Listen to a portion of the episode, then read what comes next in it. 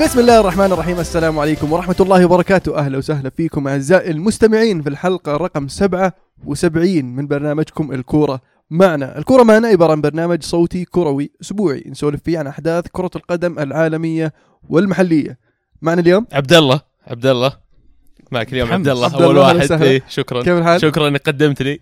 حبيبي والله. آه قدمت بس مو في نفسك الصدق يعني, يعني. أيوه الصراحه لو بنتظرك ما أنت مقدمني عمر؟ هلا والله. أهلا وسهلا. هلا كيف. الأمور؟ قاعد بعيد اليوم ما أدري إيش وضعك. مؤخر. زابن زابن. عزيز. يا هلا وسهلا. أهلا وسهلا فيك. شو كيف؟ أخبارك؟ والله طيب. الحمد لله. save the best for last حبيبي محدثكم المهند.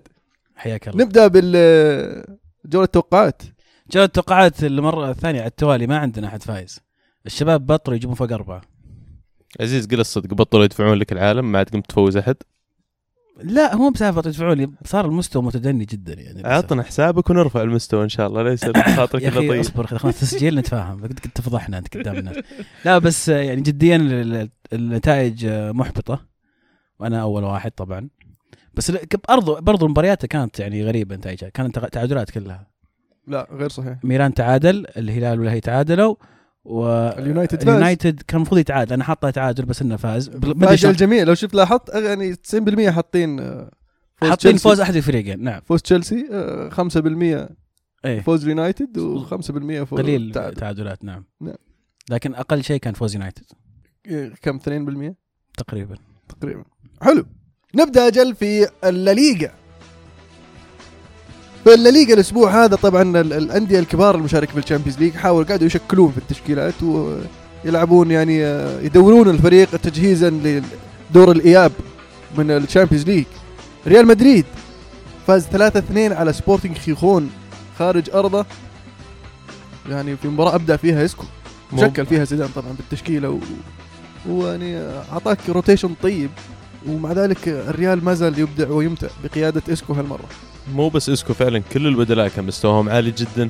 آه، زيدان يرجع له الفضل إنه حط الثقة في اللاعبين. بالذات البدلاء عندهم ثقة عالية لدرجة إنه يقدر ينزل في مباراه زي هذه ويقدم أداء رائع. طبعا أتكلم عن الجميع تقريبا بلا استثناء. آه، وكمان اللي غير إسكو اللي ما حد تكلم عنه دانيلو اللي كانوا زعلانين عليه كثير المدريدية من بداية الموسم إن أداءه متذبذب ومستواه مو بثابت. بالنسبة لي المباراة هذه كان أفضل مدافع ريال مدريد. صح أتفق معك يا عبد الله. دانيلو قدم آه، مباراة جميلة صراحة. بس أنا لازم أرجع وأتكلم عن اسكو مرة ثانية. آه، يعني حرام هذا اللاعب يكون احتياط في أي نادي في العالم حتى لو كان هذا النادي ريال مدريد. لاعب يستاهل يكون أساسي. آه، من حسن الحظ إنه راح يشارك أيضا بكرة متوقع لأنه راح يغيب بيل زي ما ذكر زيدان. آم، بس يعني ما أدري هل وجهة نظر اللاعب إنه راضي يبقى في دكة مدريد حتى الموسم القادم ولا راح يبحث عن نادي ثاني في الصيف. إذا راح يبحث عن نادي ثاني ففي كثير أندية صف الطابور ينتظرون يطلع. على طاري بيل آه، أبو غادي يقول تتفقون معي إن الريال يحتاج لاعب سوبر غير بيل؟ بيل ثلاث مواسم للآن في كل موسم يغيب فترة طويلة. زائد بي بي سي إذا لعبوا مع بعض ما في حلول. وفعلا تصديقا للعبارة الأخيرة إن بي بي سي إذا لعبوا مع بعض المباراة هذه شفنا خط الهجوم الثلاثة مو بالمعتادين. ما هو بالبي بي سي نزل بموراتا نزل بلويس فاسكيز ونزل باسنسيو ومن وجهة نظري في هذه المباراة الثلاثي هذا قدم أكثر من اللي قدم البي بي سي طول الموسم هذا كامل.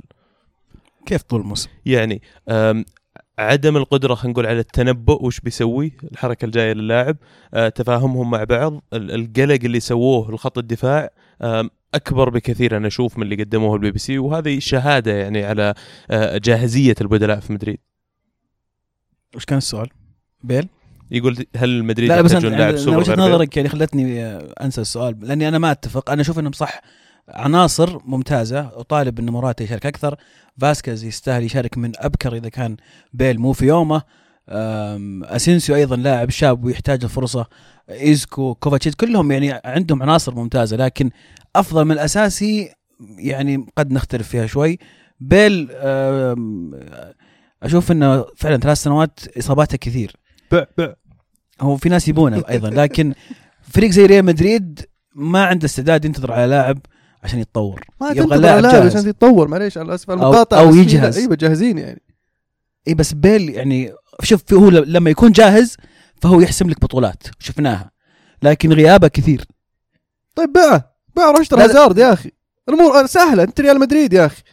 يعني وبيل في ناس كثير يبغونه. تبي تفتك من هازارد بس آه، اي ما عليك ويروح الدوري الإسباني ما عنده ريرا يحجر له فيعني يحتاجون يشترون ما بينبسط دام إن بيل آه، في تعويض له في فاسكيز واسنسيو هذول ناس جاهزين يلعبون مكانه. صحيح بس مدريد ف- لازم لازم معهم واحد يعني سوبر على قولة حبيبنا.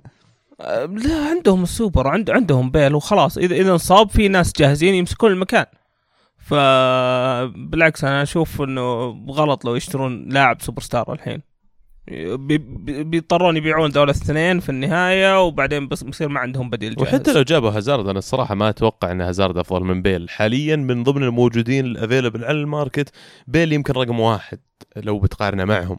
فما أشوف إن مدريد ممكن يحسنون على موقع بيل لكن يرجع الكلام على مباراة زي بايرن عندك الحين غاب بيل. بس برضه اصاباته كثيرة يعني. هذه هي جميل. جو كجودة صأخت- أتفق معك تماما لكن مشكلته يغيب. وإذا رجع من إصابة يطول لين يرجع لمستواه الطبيعي. زي- شايفينه في آخر كم مباراة؟ إلى الآن ما هو بيل اللي نعرفه. صح واصاباته مو بشيء جديد من أيام سبيرز توتنهام لو تذكرون. كانت دائما تجي غيابات اللاعبين اللي بشكل عام يعتمدون على السرعة والانطلاقة وال acceleration بالذات في أول خلينا نقول 5 متر ولا 10 متر دائما تجيهم إصابات في العضلات الخلفية للفخذ. أتلتيكو مدريد يفوز 3-0 على أوساسونا في مباراة يعني بدع فيها ال- ال- السريقو يا عزيز. فعلا. ولا؟ يا أخي صح إنهم خاسرين 3-0 لكن رد بلنتيين في دقيقتين. من لاعبين مختلفين. فيعني كان إبداع جميل من سيريجو برضو الأتلتي شكل في التشكيلة و... وريح بعض اللعيبة. آه، لكن كراسكو كراسكو كان رجل المباراه آه، اللاعب كان هو ذو الحلول سجل هدفين. كان له دور كبير في المباراة على فكرة. وأتوقع إنه خلاص. وصلوا ثبتوا المركز الثالث. الموضوع أتوقع بالنسبة لي منتهي من زمان يعني أنت الحين تفكر فيها. لأن برضو إشبيليا تعادلوا صفر صفر مع فالنسيا في المستايا. مباراة يعني مخيبة بصراحة بالنسبة لي لأن توقعت أن كنت مأمل أكثر من مباراه صراحة يعني كنت أحس إيه. إنه بيكون فيها أهداف وتصير حماسيه لكن المباراة كانت أقل من المتوقع نقدر نقول. لأن كل فريقين يعني يحتاجون الفوز إذا بس على ما يبدو لنا إشبيليا خلاص رضى بالمركز الرابع و مو برضا غصبا عليه يعني شوي. برشلونة يفوز ثلاثة اثنين على ريال سوسيداد في مباراة واجه فيها الصعوبة. ومتيتي سجل هدف في مرمى ويعني آه، ميسي سجل هدفين. حرام تقول الثالث. امتيتي هدف في مرمى يعني خلاص الكرة على خط مرمى حاول يطلعها لا مزعت في وجهها. إي فيعني حس- انحسبت own goal هي؟ لا لا ما هي هي هي عرضية أو مزعة شوت، وجهها. ودخلت. ما كانت رايح الباب أصلا. في نص الباب كانت. لا لو لو لو مو موجود المرمى. متيتي توقع تمر تروح لين لين ال- ال- المر ال- شو اسمه التماس ولا تضرب في علم الركنية وترجع. بس قط وجهه هو. ها؟ قط وجهه. بس لا هو واقف مسكين. لا هو مسكين صدق واقف. جت في وجهه ودخلت. بس ما- برضو ما يعني. ريال سوسيداد قدم مباراة كبيرة ويعني ما قصروا. يعني جاروا برشلونة في المباراة هذه. آه، رغم يعني مشاركة آه، جوميز. هل تتوقع انه راح يشارك ضد اليوفي في المباراة الجاية ولا ملعبه عشان يريح انيستا بس؟ والله شوف سيء أنا بالنسبة لي لاعب جدا. آه برشلونة المشكلة الأساسية اللي لازم يفكرون فيها على الرغم من إنهم آه لقموا هزيمتين ورا بعض كان مرة مهم إنهم يأخذون ثلاث نقاط في المباراه وتمكنوا يحصلون عليها لكن أنت دخل عليك هدفين ضد ريال سوسداد إيش بتسوي ضد يوفي مرة ثانية؟ ترجع المشكلة إنك مو قاعد تحافظ على نظافة شباكك قدام الفرق الصغيرة ولا الكبيرة، وفي نفس الوقت ما أنت بقاعد تسجل خلينا نقول خمس ست أهداف لما تجي خلينا نقول ضد فريق زي اليوفي يرجع موضوع ال Champions League. فأتوقع إن حلولهم يعني لهذا الموسم مقتصرة على اللي موجودين. جوميس عشان كذا قاعد يشارك فيه بدال بوسكيتس. آه، لكن وجود بوسكيتس شيء مهم جدا يعني لهم. في مباراة الريمونتادا ضد PSG أبدع فيها نيمار. هالمرة ما لعب نيمار في الدوري للإيقاف وريح مريح يعني بطريقة آه، غير مباشرة ل- لمباراة اليوفي. ولعبوا باكو الكثير في المباراة هذه عشان يمكن ينزل إذا ما قدروا يجيبوا اهداف يعني بالعكس أنا عجبني إنريكي إنه ثبت الدفاع نفسه انسجام. رجع بوسكيتس لأنه متوقع إنه يشارك. أيضا جوميز ممكن يكون في المباراة. ولعب آه، الكثير. أنا توقعت مثلا يلعب آه، أردا مصاب صح؟ اردا مصاب يعني. اردا مصاب رافينيا مصاب. ما في إلا لعب باكو يقول لك ممكن باكو برضه يلعب في الكلاسيكو في المباراة الق- القادمة. أيضا. فكان يعني جيد هالوقت لباكو إنه يرجع في المباراة. سجل هدف. آه، وجود آه، آه، ان نيمار ارتاح ولا ما ارتاح؟ ما تفرق نيمار هو نيمار. أنا أختلف معك يا عزيز على نقطة الدفاع حق برشلونة. أنا أشوف بما أن دفاعك قاعد يعاني الفترة الماضية وأنت تلعب بأربع مدافعين ليش مصر تلعب بنفس خط الدفاع؟ أربع مدافعين بنفس رسم الخطة. انريكي يعني مو بقاعد يخترع مو بقاعد يجيب أشياء جديدة على أساس يطلع فريقه من ال- المعضلة ولا الأزمة اللي هم فيها. وعلى طاريها عندنا سؤال من كاد 45 يقول وش رأيكم من المدرب الأنسب لبرشلونة؟ تكلمنا في الموضوع هذا. فعلا. قبل أسبوعين صح؟ أعطوني اسم طيب. آه، كومن. فعلا كومن. من من الأسماء اللي اللي, اللي رشحت وقريت عنها كومن اللي هو آه، حسه أكثر جاهزية. من ناحية خبرة من ناحية آه، معرفة بالفريق من ناحية يعني طريقة لعب. برشلوني سابق. وأتوقع إنه يجيبونه. بس برضو هنا في مشكلة أخرى انه هو مصرح يوم كان مع ساوثهامبتون إنه يحب يقعد مع الفريق مدة طويلة عشان ال project حق ال- المشروع حق النادي جاي جاء لساوثهامبتون عشان الفكرة هذه. بعدين ساوثهامبتون باعوا كم لاعب وخالفوه الفكر فطلع وراح ايفرتون ايفرتون مع إدارة جديدة و... وفريق شاب واعد ووعدينه بالصرف والمبالغ والتجديدات فممكن تتوقع إيفرتون ما راح يمشون لعيبتهم هالصيف؟ مو يعني- يعني ما راح يمشون لعيبتهم لا لأنه في لعيبة أصلا هو مو بيده يعني زي باركلي هو بارك هو صرح على باركلي قال له يا يا تجدد يا تمشي ولوكاكو في مشكلة ولوكاكو شكله بيمشي برضه آه. فنفس الشيء اثنين فممكن يمشي يعني. أتوقع ممكن يمشي الصيف هذا عادي ممكن آه ليمون ستيغ كمان يقول آه، رأيكم بتصريح لويس إنريكي؟ قال إنه بيلعب بثمان مهاجمين قدام اليوفي. كيف راح تصير المباراة؟ من من حيث المبالغة لأنه أصلا فريقه ما فيه من مهاجمين. يعني قصد إنه بي- بيعطي حرية للاعبين يهاجمون. آه، أكيد تصريح للإعلام فقط لأنه لو فعلا سواه هو يدرك إنه راح يفتح مساحات. اليوفي عنده لعيبة سريعين راح يشتغلون المساحات هذه. طب كمشجع اليوفي بسالك أنت متقروش إنك رايح الكامب نو؟ خليها فقرة الشامبيونز ليج طب بس yes no قاعد يتهرب قاعد يتهرب. واضح لا no. no لا والله no آه، ليش. ليش تتقروش فايز 3-0 عدم الإجابة كفتني الصراحة. آه. بكتفي فيها حلو. ما أخذ إجابتك اللي بعدها. نذكر بجدول الترتيب في الدوري الأسباني بعد الجولة 32 الريال في الصدارة ب 31 مباراة 75 نقطة. البرشا في المركز الثاني 32 مباراة 72 نقطة. أتلتيكو في المركز الثالث 65 نقطة. إشبيليا في المركز الرابع ب 62 نقطة. في جدول الهدافين ميسي بالصدارة 29 هدف سواريز وراه ب 24 هدف والغريب إن رونالدو للحين 19 هدف فقط. ما حد يعني حتى قرب منه. مع الناس يعني من, اللي تحته أقصد. بس 19 هدف. أقرب واحد ياغو أسباس اللي قاعد يبدأ الموسم هذا ب 16 هدف. في الدوري الإنجليزي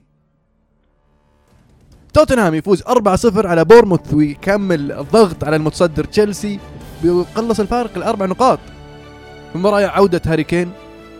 ساعدتهم كثير مع إنه يعني في الفترة الأخيرة مع غياب هاري كين آه توتنهام آه لقى الحلول في التهديف والتسجيل من غير من غير من, من غير هاري كين مع ذلك الحين مع العودة ما زالوا يهدفون هجومهم ترى زاحف ودفاعهم قوي. مكملين 4 0 4 4 4 4 هجومهم إيه. خ- خرافي والحين دفاعهم بعد قا- قاعد يتحسن برضه هم أكبر goal difference حاليا فرق أهداف ب 46 بالضبط. إيه، لا- 46 فرق الأهداف. آه نأمل إن شاء الله في لندن الثالث.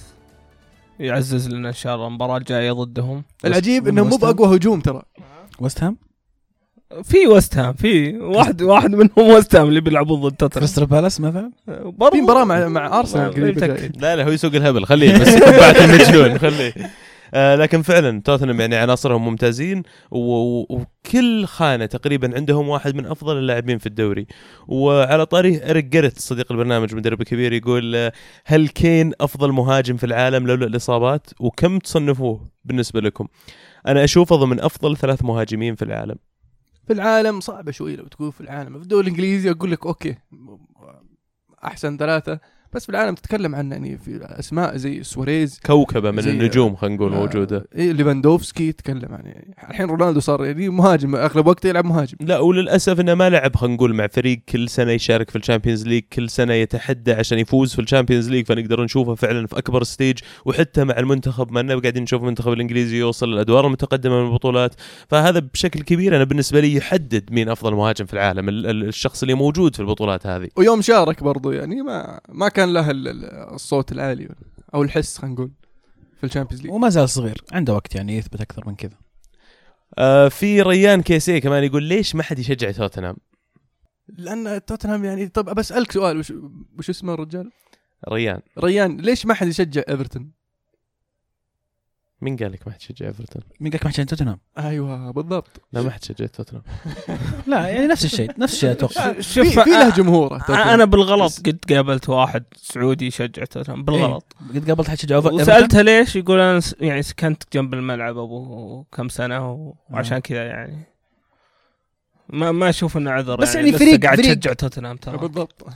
الجيل الحالي ما عاصر إنجاز لإيفرتون خلى أو أو فترة ذهبية للفريق خلت الشخص يتعلق فيه. يعني أنا قابلت ناس يشجعون فالنسيا ناس يشجعون لاتسيو لأنهم نيوكاسل في ناس يشجعون بالضبط لأن في فترة من فترات الفريق هذا قدم كوره حلوة جميلة تعلق فيها المشاهد. آه، توتنهام يشجعون اللي عايشين في في لندن أعتقد. ومو بس كذا تسويقيا توتنهام ما يعتبر خلينا نقول على نفس ال level حق الأندية اللي لها متابعة كثير عالميا. آه الأشياء هذه تعتمد بشكل كبير زي ما قلت يا عزيز على الإنجازات وعلى الحقب آه أو الفترات الذهبية اللي يمر فيها النادي. أنا ما أتكلم عن فقط تحقيق بطولات لكن زي ما قلت يا المهند الأداء الطيب إذا قدمت نوعية من كرة القدم اللي تجذب المشاهد راح يتعلق فيها. توتنهام إلى الآن ما حصلت للفرصة هذه وقاعدين يحاولون لكن شعبيتهم داخل إنجلترا أكبر بكثير منها خارجها. ليفربول يفوز 1-0 بشق الأنفس خارج أرضه ضد بورنموث ضد بورنموث عفوا.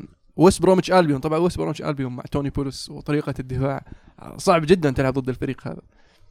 عودنا طبعا توني بوليس بالطريقة الدفاعية ودائما بالصلابة برضو. تخ- لعيبته اللي اختارهم يعني أتوقع طول اللاعب وعرضه ووزنه آه، يدخل في في في تفاصيل يعني اختياره للعيبه اللي يشتريهم أو يتعاقد معهم أو يلعبهم حتى. لكن فيرمينو فيرمينو يعني قاعد يثبت نفسه في الفترة الأخيرة مع ليفربول وقاعد يعني يهدف. وليفربول. assist بعد مو بهدف آسف بس إنه حتى أسيستات يعني آه، اللاعب فعلا. أحس إنه يمكن أقل لاعب يعطى حقه الآن في في, في هذا الفريق. أنا أشوف لأنه بيلعب مو مو في مركزه المفضل. هذا هو. لو تحط واحد مهاجم صدقي قدامه وتخليه يلعب آه، وياخذ عنه المدافعين راح ياخذ راحته وقتها. فعلا. صح. وبعد يعني أتوقع يورجن كلوب بيكون مرة مبسوط على أسلوب دفاعهم. أسلوب دفاع- ليفربول لأنه ويست بروم عرفنا إنه واحد من ال- الفرق اللي فعلا ممكن تعذبك في ال corners في الركلات الثابتة وقدروا إنهم فعلا يتفادون إنه يصير عليهم corners كثير. لكن أتوقع أعتب عليهم شيء انه لما كانوا متحكمين بالمباراة ليفربول المفروض حسموها بنتيجة أكبر. على الرغم من هذا كله هم فعلوا المهم حصلوا على الثلاث نقاط اللي بتساعدهم كثير انهم يخلصون في ال top four خلينا نقول المقعد الثالث اللي الآن على اشده الصراع ما بين إلى حد ما ليفربول ومانشستر يونايتد وأرسنال كمنافس ثالث لهم لأن ال top 3 أتوقع إلى حد كبير حسمت يعني. لا، حتى السيتي ترى ما زال في المعمعة السيتي مو بعيد ترى. واللي واللي عجبك في ليفربول طبعا اللي اللي ساعدهم على حفاظهم على شباك نظيفة وجود لوفرين مع ماتيب لأن من فترة طويلة ما ما صاروا ما لعبوا مع بعض آه سواء غياب آه ماتيب أو غياب لوفرين. لوفرين تو راجع وعلى ما رجع لمستواه حاليا آه شكل ثنائي طيب مع آه ماتيب واثنين أبغى أثني عليهم الصراحة. يورجن كلوب وامري تشان يورجن كلوب ما زال أسبوع بعد أسبوع يثبت أنه واحد من أفضل المدربين الشباب اللي موجودين في الساحة. قاعد يت- يتعامل مع كل مباراة بالطريقة المناسبة ويعرف يحضر فريقه يدخل كل مباراة. وامري تشان لما حصلت له الفرصة مؤخرا في غياب أكثر من لاعب خط الوسط تحديدا ميلنر. أو مو ميلنر sorry. آه هندرسون. هندرسون بالضبط. في غياب هندرسون كان حاليا بعد كم مباراة بدأ يلقى أقدامه في الفريق. بدأ فعلا يصير أحد أعمدة خط الوسط بالنسبة لليفربول. عندهم مشكلة في الهجوم. استغربت انه قرر يبدأ بأوريجي بدل ما يبدأ بستورج خصوصا إنه موجود على الدكة. لكن يدلك إنه مدرب عارف إيش قاعد يسوي وعارف إيش يبغى من فريقه. أتوقع إن أيام ستورج مع ليفربول يعني محدودة. وبدأ يكثر الكلام عن عن عن خروجه وبرضو عن بعض المشاكل اللي بين اللاعب والمدرب. فاتوقع عشان كذا هو ما يبغى يعتمد على اللاعب ويعطيه الفرصة هذه لأن أوريجي برضو لاعب شاب وله مستقبل مع الفريق وستورج يعني على ما يبدو إنه ماشي في الصيف فوشو له؟ يحطه في في في الفريق الأساسي. يحطه في الفترين عشان يجيب له سعر أعلى يا أخي. ما مو بكل يفكر كذا. لأن في في بعض المدربين يفكر إنه لا أنا أبغى لما لما أجي الموسم الجاي يصير لعيبتي جاهزين إنهم إيش؟ يصيرون مستعدين أو متفاهمين مع الفريق عارفين شلون يوصلون أو يلعبون. مانشستر سيتي يفوز 3-0 خارج أرضه على ساوثهامبتون في مباراة عاد فيها اجويرو يعني مو بعاد يعني صح في الفترة الأخيرة قاعد يهدف كل كل كل مباراة تقريبا. ثاني يستمر اللي عاد هو كومباني عاد التشكيله لاعب أساسي والغريب إنه كمل مباراة 90 دقيقة وسجل هدف. يقول لك سجل هدف آه، صار له سنتين ما سجل هدف. وصراحة حتى احتفاله بالهدف وفرحته عجبتني فعلا يعني فرحت للاعب.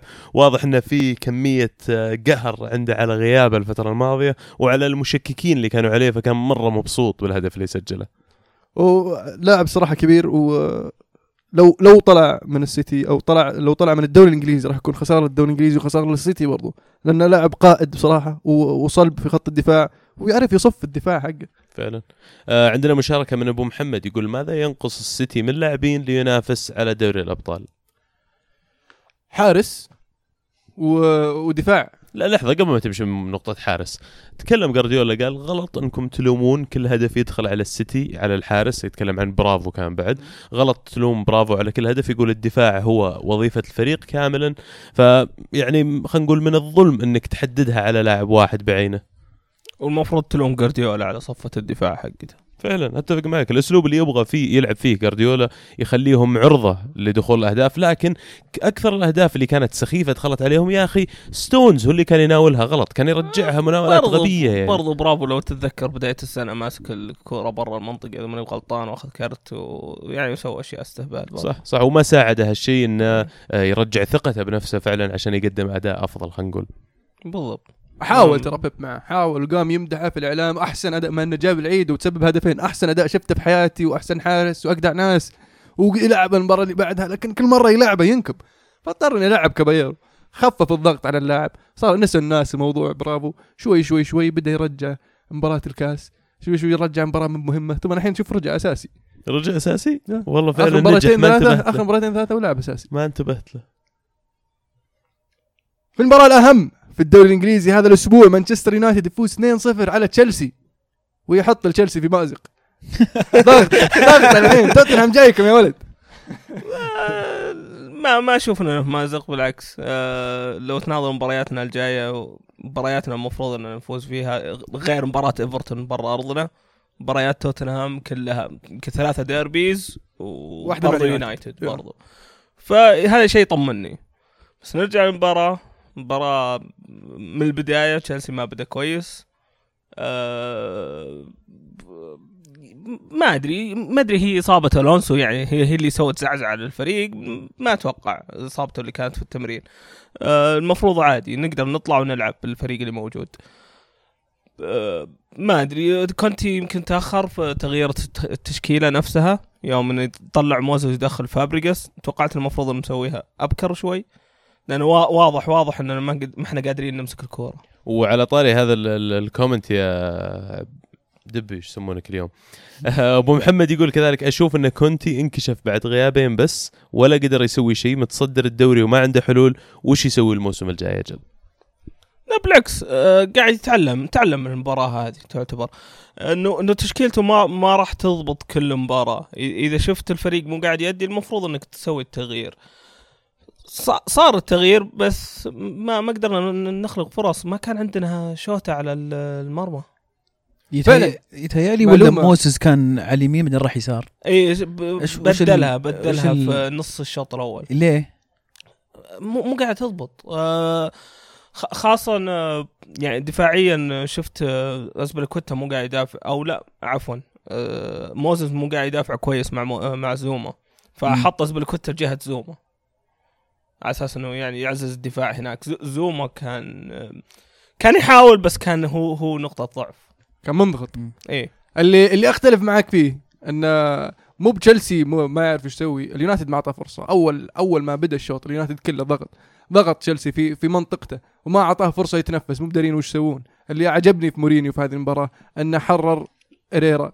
إريرا كانت مهمته هازارد. مهمتك إريرا اليوم هازارد فقط. وين ما يروح هازارد هريرا معاه.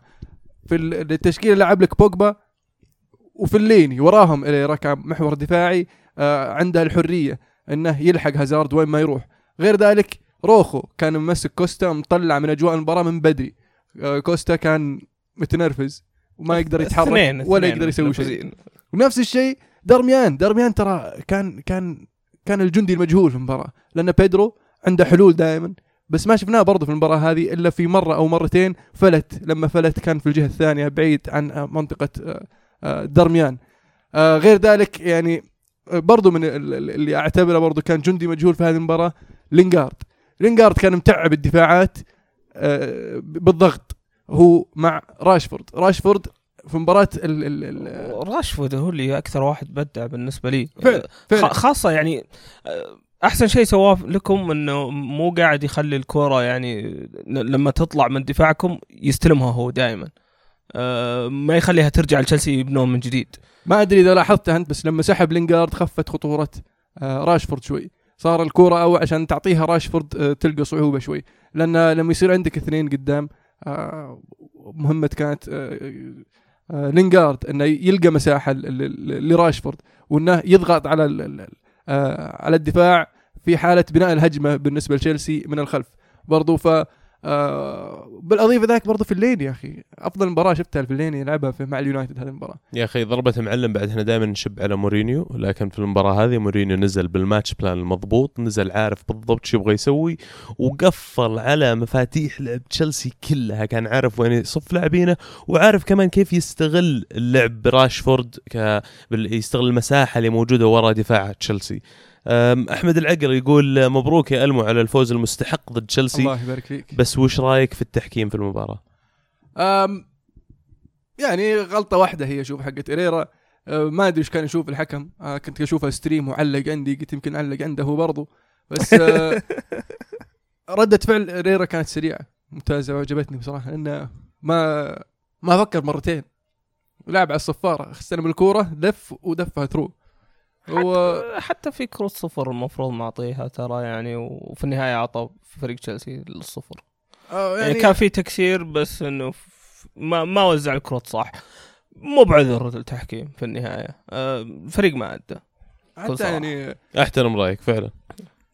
طيب أنا عندي سؤال آه كلنا نعرف حب مورينيو لزلاتان وش السر إن زلاتان في الدكة؟ صرح إن الأسبوع الماضي الظاهر يقول زلاتان تعبان ما. راح يقدر يلعب أساسي في المباريات الجاية عندهم ضغط مباريات كبير يونايتد عندهم الظاهر مباراتين أو مؤجلات الظاهر فعلا. لأن ف- عندنا لعبنا ال- ال Europa League ولعبنا تشيلسي الحين ثم نلعب Europa League ثم نلعب مع أرسنال ثم نلعب مع السيتي ثم نرجع نلعب Europa League ثم نرجع عفوا الدوري ثم Europa League اذا إذا تأهلنا. لا وللأمانة لو بتختار مباراة ما تلعب زلاتان فيها راح تكون المباريات الصعبة هذه مثل مباريات ضد تشيلسي لأنك ما تحتاجها في المباريات هذه. ألعبها ضد فرق خلينا نقول أقل مستوى بعض الشيء من تشيلسي مو متصدر الدوري يمكن يفيدني بشكل أكبر. وشفنا كيف راشفورد كان كان متعبهم متعب الدفاع بالسرعة في, في انتقال الهجمة السريعه والارتداد السريع. الهدف الأول يا آه. رجال. ال- إذا تذكر مباراة ليفربول يوم كان يلعب 6 3 1 الواحد هذا ما كان منه فايدة. ما يعني الهجمات المرتدة اللي تتوقع منها في ال- في الحالة هذه قاعد تدافع بست مدافعين عندك وصلتك الكورة مرة واحدة تبغى ترميها قدام تحتاج واحد سريع زي راشفورد اللي ينطلق بالكورة يفتح يعني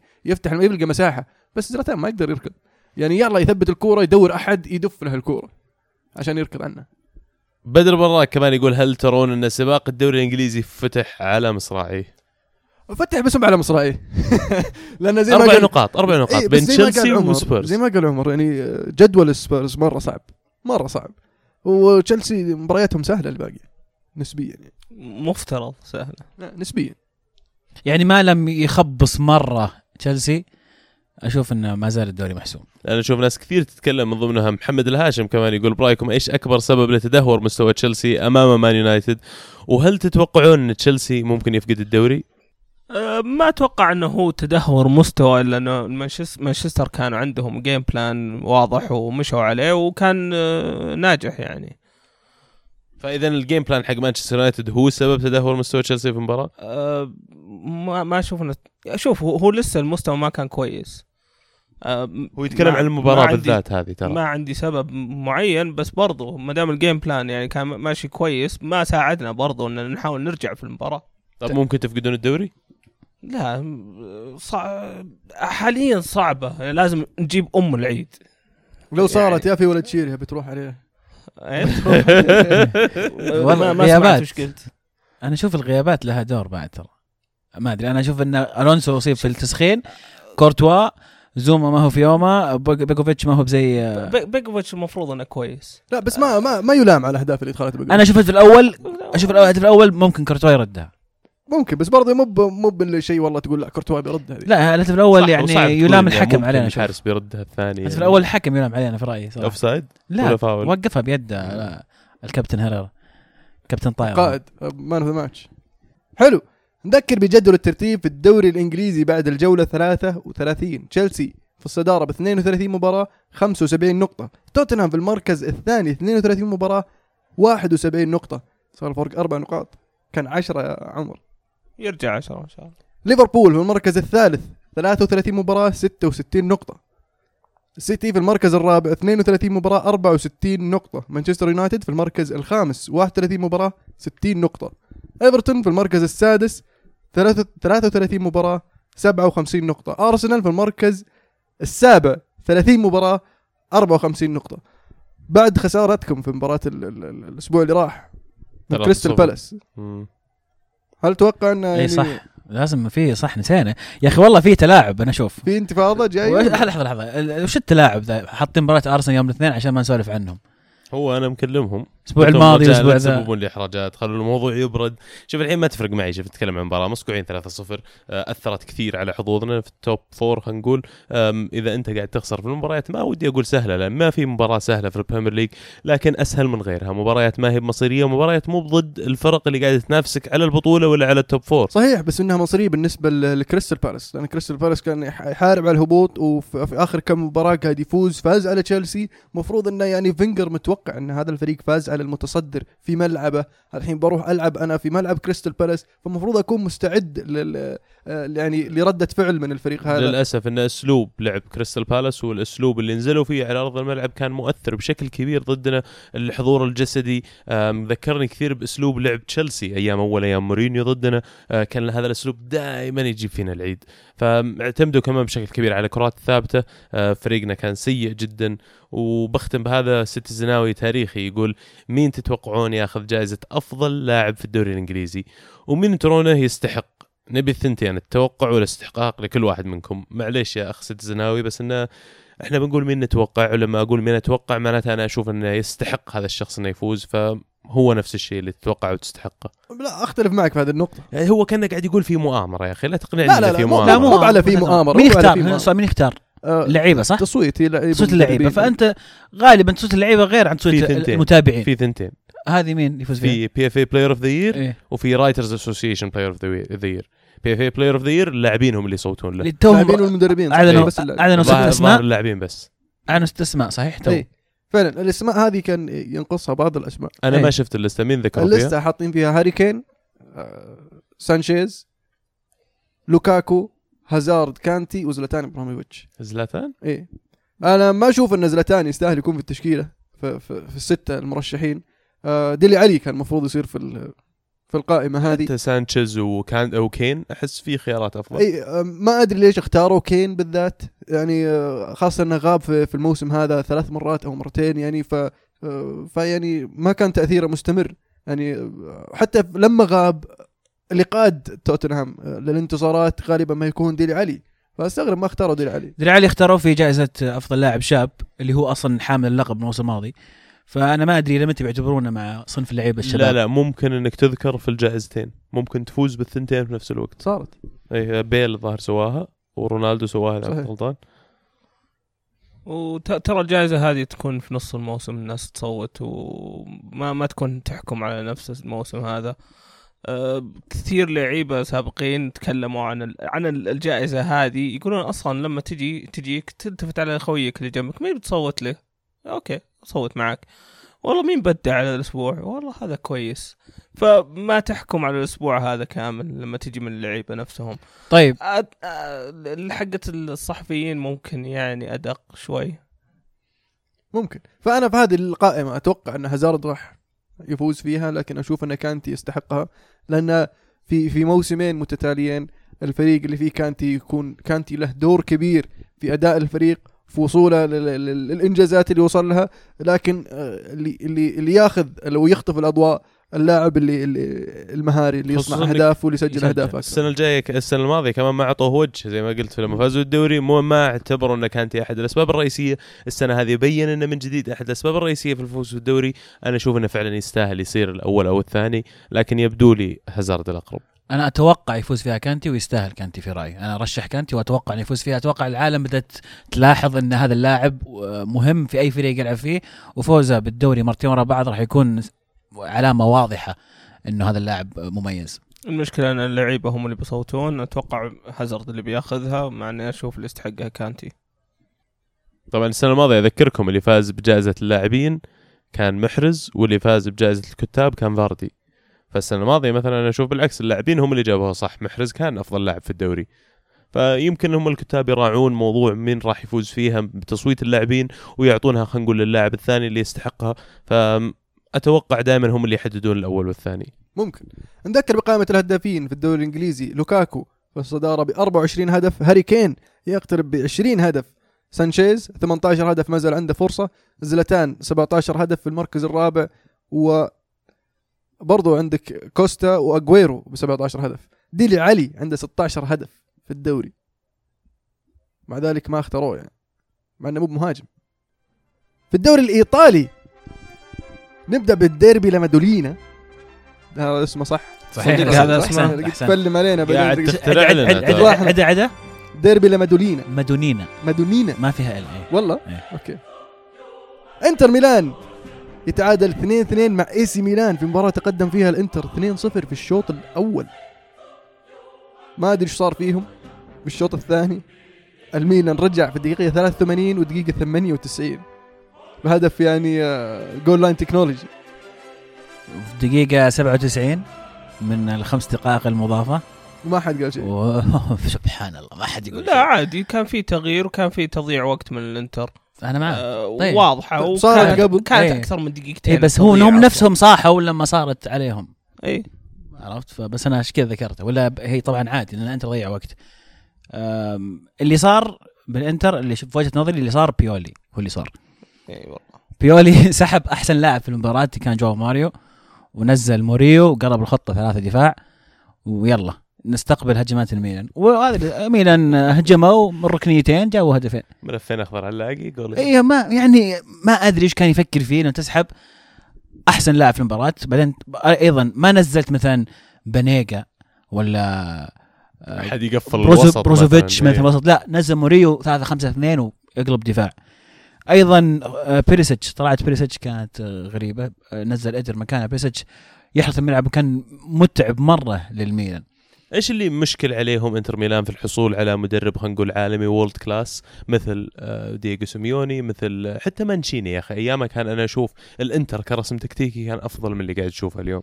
تخبط إداري أشوف الاختيارات لأنه زي ما قلت كان عنده مانشيني بعدين فجأة فجأة في نص ال... في وسط أتوقع المعسكر الصيفي شالوه.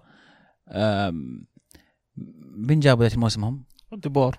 دي... لا ديبور جاء ظهر قبل إي قبل الموسم بأسبوعين. أو بعد بعد جاء في وقت مرة ضيق. صح واصلا اختيار ديبور كان شاطح. ليش تجيب واحد؟ ما أدري أنا أنا أحس إنه ما قد شاف مرة في الدوري الإيطالي. أخي، انهم ما يدروا إيش السالفه كان. جودولين اللي جابوه سوانزي الإيطالي أنا أشوف كان ممكن إنه يعني واحد على مستوى إنه يمسك إنتر إذا أنت قاعد تعين لي بيولي وغيره يعني كان في مدربين كثير ولا زالوا موجودين على الساحة. بس تخبط الاداري زي ما قاعد قاعد تقول قاعد يكلف إنتر ميلان كثير خصوصا من اللي قاعدين نشوفه عندهم تشكيلة ممتازة يا أخي لاعبينهم ممتازين خط الوسط كويس خط الهجوم كويس حتى الدفاع بدأ يضبط عندهم. لكن تخبط الاداري يعني. إيه، أنا يعني تحس إن يختارون المدربين بطريقة عشوائية. حتى بيولي مدرب كويس لكن ما هو المدرب اللي مثلا يفوزك بالدوري. راح يجيب لك مثلا المركز الرابع المركز الثالث يخليك تنافس على الكاس بس ما راح يوصلك أبعد من كذا. فالصيف ينتظر آه، صيف مهم جدا للانتر أشوف. آه، بالذات انه يعني دييغو آه، سيميوني آه، انتهى من التلميح وهو وولده و وبنته وما أدري مين بقى ما قال إنه بيلعب بيدرب الإنتر. فأتوقع إنهم راح يحاولون فيه في الصيف هذا إذا ما قدروا الصيف اللي بعده. لكن آه، لازم الإنتر يتبع توجه واضح والتخطيط يكون من شخص خبير وليس أحد من ال- ال- الملاك الصينيين. اللي جايين يطقطقون. على طاري الصينيين آه، ريان كيس اي يقول إيش مستقبل ميلان مع الصيني؟ مبروك للميلانين أول شيء ال- البيعة. تم تمت أخيرا يا المهند. أخيرا مبروك فعلا. آه، 750 مليون يورو. شاملة للضرائب. وشامله كذلك يقول آه، لل- الضرائب عفوا شاملة للديون. الديون اللي تسددت في أول يوم انتقل النادي إلى ملكيتهم كاملة سددوها. ومو بس كذا يقول لك شاملة كمان سعر تسيير أمور النادي من بداية الموسم إلى لحظة البيع. لحظة مهمة. طبعا انتهى عصر آه، برلسكوني 30 سنة 29 بطولة. يعني عصر رائع شفنا فيه آه، ميلان عظيم عبر السنوات. شيء غريب إني أشوف ميلان بدون بلسكوني وقالياني أيضا راح يمشي. فما عمري عرفت ميلان بدون هالشخصيتين هذه. ما أدري وش القادم بالنسبة للميلان شيء مجهول نسبيا. لكن آه، يعني ال ال الشيء اللي يحمس شوي ممكن تقول إنه بيصير في منافسة في الصين بين مين مين يدير فريقه أحسن. فراح يتنافسون آه، حقين الإنتر وحقين ميلان مين يخلي فريقه أحسن؟ حتى في. الصين تصير منافسة. فقد يكون هذا من فائده ال- ال- ال- الفريقين. نقدر. نقول صار دوري صيني؟ ممكن. مو بدوري صيني الدربي دربي بكين. صفحة جديدة للميلان آه، ورقة بيضاء ولا وما يكتب عليها لنا ن- نشوفه يعني في المستقبل إن شاء الله. ميلان قدم مباراة جميلة في الدربي يعني آه، آه، ما أستسلم. هذا شيء يحسب لمونتلا مونتلا على وشك إنه يجدد وأتوقع هذا مكسب كبير للميلان إذا فعلا جدد. لأن الآن هو قاعد يسوي كذا باللعيبة اللي عنده والمشاكل اللي يمر فيها. فما بالك لما يكون عنده صيف آه، وعنده ميزانية مع الفلوس الجديدة اللي جاية. فأتوقع إن تجديد آه، مونتلا مع ميلان خطوة صحيحة في الطريق في الطريق ال- ال- الممتاز لميلان وفعلا يعني يحسب لها الشيء مو أول مباراة ترى من بداية الموسم ميلان يا إما يقلب المباراة ولا يرجع في وقت متأخر جدا. ال- الشيء اللي يتميز فيه الميلان أقول طابع الأساسي هذا الموسم إنه يقاتل لين آخر لحظة في المباراة وفعلا هذا الشيء يحسب له. كمان عندنا مشاركة من عبد الله يقول توقعاتكم لميركاتو الميلان الموسم القادم بعد بيع النادي للصينيين عن نفسي أتوقع تياغو سيلفا وفيراتي وزلاتان.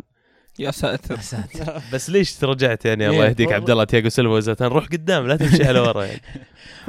بدري مرة أحس أتوقع وحتى لو توقعنا ما راح يكون مبني على أي شيء لأن باقي باقي على الصيف وباقي يختار مونتلا مين مين اللعيبه اللي يشوفهم مناسبين.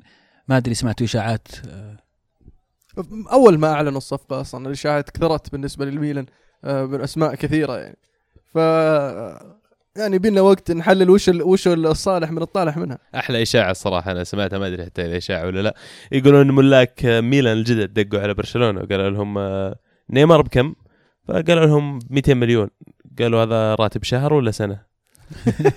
ف يعني يبدو لي ان زاحفين هالصينيين. الصندوق السيادي أنا سمعت له ملكية. صندوق سيادي بس آه، عظيم يعني كبير مره أتمنى لو يقدرون يخلون سوزا موجود. من أحسن اللعيبة اللي في ميلان حاليا وأتمنى برضو يقدرون يخلون دليفو يجلس عندهم إيه، برضو صح تقصد سوسو صح؟ سوسو اي سوسو، سوسو سوسو. بالذات هو لا في اثنين في سوسو وفي عارف- سوسو عارف إيه. عشان كذا من لخم الجناح ولا الوسط ال- ال- اللي صنع الهدف الج... أكيد قصد الجناح لأن. هذاك يعني هذا. هو اللي قاعد يخلعها مرة آه. آه، فعلا آه، موسم جميل جدا للاعب هذا وزي ما قلت فيه أظن لو يقعد إضافة لكن متوقع أن يكون في إضافات في الصيف لأن جايين ميزانية كبيرة جميل. روما يتعثر أمام أتلانتا ويتعادل واحد واحد في الأولمبيكو. تقدم أتلانتا. دزيكو to the rescue على قولتهم. ويعني الغريب إنها ما ما شدوا يعني روما آه، على على أتلانتا. أتلانتا لاعب يعني لاعب بطريقة ممتازة في الموسم هذا. وتتوقع منه إنه يسبب مشاكل آه، لل- للفريق اللي يقابله آه، لكن المفروض يصير روما عندهم رغبة أكبر خاصة إن اليوفي قاعد يمر في مرحلة إنه قاعد يحاول يركز على ال Champions League. فممكن إنه يتعثر شفناه يتعادل مع نابولي المباراة اللي راحت. فممكن إنه يعني يتعثر في المباريات القادمة.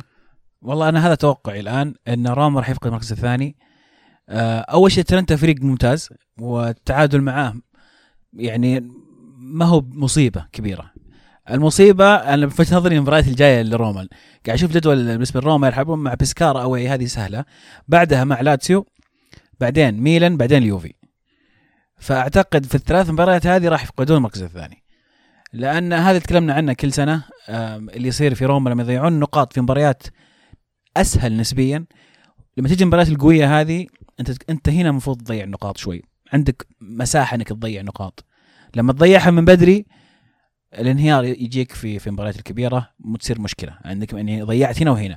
فروما زي كل سنة اللي قاعد يصير. ال- المستوى سيء التغييرات سيئة. سباليتي يسبب نرفزة كثيرة من جمهور روما اللي تكلمت معه. ما أشوف إنه هو المدرب الصحيح إلا إذا كان روما راضي على الوضع الحالي إنه ثاني ثالث ونصف نهائي أو نهائي الكاس و Europa League ونعيد. خصوصا انه في كلام طالع إن تبغون مدربهم عزيز. طلع الكلام واختفى ما ما عاد هو ما عاد أنا أشوف انه مدرب ما يناسب اليوفي ولا أعتقد انه سباليتي. ولا أعتقد انه أعتقد إن الجرايد يبون يحطون سباليتي في اليوفي. وفي كلام كثير إن أليجري بيجدد على وشك تجديد ساري آه، أنسب لليوفي من سباليتي. مع اني أتمنى استم- استمرار ساري مع نابولي. أذكرك بكلامك عزيز بداية الموسم إن أليجري أخذكم من النقطه ألف إلى النقطه باء. باء, باء الجيم. باء الجيم تبغون جيم الدال لا أنا قلت كونتي ألف الباء وهو اخذنا باء الجيم. إذا جيم هي Champions League يعطيه العافية خلاص. ما عاد في ما عاد في أصلا دال. خلاص وصلنا. تجدد معه ولا ما تجدد معه الحين؟ أنت ودك ولا لا؟ أنا ودي. أنا ودي نعم. أصلا عقدي ينتهي مو مو الصيف هذا. الصيف اللي بعده ترى. أنت ما كان ودك يجدد أول؟ لا ما عمري قلت ما كان ودي لا. أنا أتذكر بداية الموسم كان ميلك شوي انه إذا أليجري ما قدر فعلا يحسن من وضعه المفروض إن اليوفي يبحث عن بديل. ما أتوقع انه بس أداء يوفي خلال ثلاثة أو أربع شهور يغير رأيك على مدرب؟ ما هي بأربع شهور موسم كامل تشوف نتائج. يعني مباراة مباراة بكرة مصيرية طبعا أمام برشلونة. أنا أشوف اللي قدمه في الم- في الموسم هذا وتعلمه من غلطه تغييره للخطة من بعد مباراة فيورنتينا هذه يثبت لك مدى مدى ذكاء المدرب تكتيكيا وأنه عنده تجديد. ما ما يوصل إلى حد يوقف. فما دام مدرب عنده تجديد مازال مستمر نعطيه سنة زيادة. عقده ينتهي في في صيف 18 فأنا أشوف أنه يعني يستاهل يعطى فرصة زيادة. لأنه يجدد. في في مدربين لا ثلاث سنوات وخلاص يوقف. وما دامنا قاعدين نحكي على اليوفي آه، عندنا سؤال من خالد عبد العزيز. يقول آه، ما هو ترتيب ساندرو من بين أفضل الأظهرة يسار في العالم؟ ومن اللي قبله؟ وش معايير أفضل مهاجم؟ معاييري كم سجل من فرصة محققة. آه، أنا من قبله أتوقع إنه في ب- في يعني في رأيك هو الأفضل. لا هو قاعد يقول. هو إيه. قاعد يقول ترتيب ساندرو وشو؟ وإذا في سؤاله يقول من قبله. اللي قبله يعني من الأول أو الثاني أو الثالث على حسب ترتيبك له يعني. أوكي. أنا أشوف إن ساندرو احد أفضل ثلاث اظهره يسار في العالم. ما أقدر ما أقدر أقول الأحسن أفضل واحد لكن يعني إذا بتناقش أفضل ثلاثة فهو أكيد دائما ضمن النقاش. وللأمانة ما أدري السنوات الماضية نزلت مستوى الأظهرة ولا ارتفع مستوى الأظهرة لكن بشكل عام صار في كثير في, جميع الدوريات تقريبا في أظهرة عليهم الكلام. أم، ألابا يمكن هو أحد الأسماء اللي تجي على بالي كظهير يسار من أفضل اللاعبين. ما أدري من ممكن تضيفون عليهم يعني. أنا بالنسبة لي أشوف إن ألابا ال- الأفضل كظهير يسار. داني روز. لأنه صار له فترة مستمر على نفس الأداء وبالعكس في تحسن ومن كثر ما هو خلعها صار يعني لعب قلب دفاع لعب محور لعب جناح يعني لعب في أكثر من مركز. حتى صانع ألعاب لعب على إيه. فكرة. فعلا.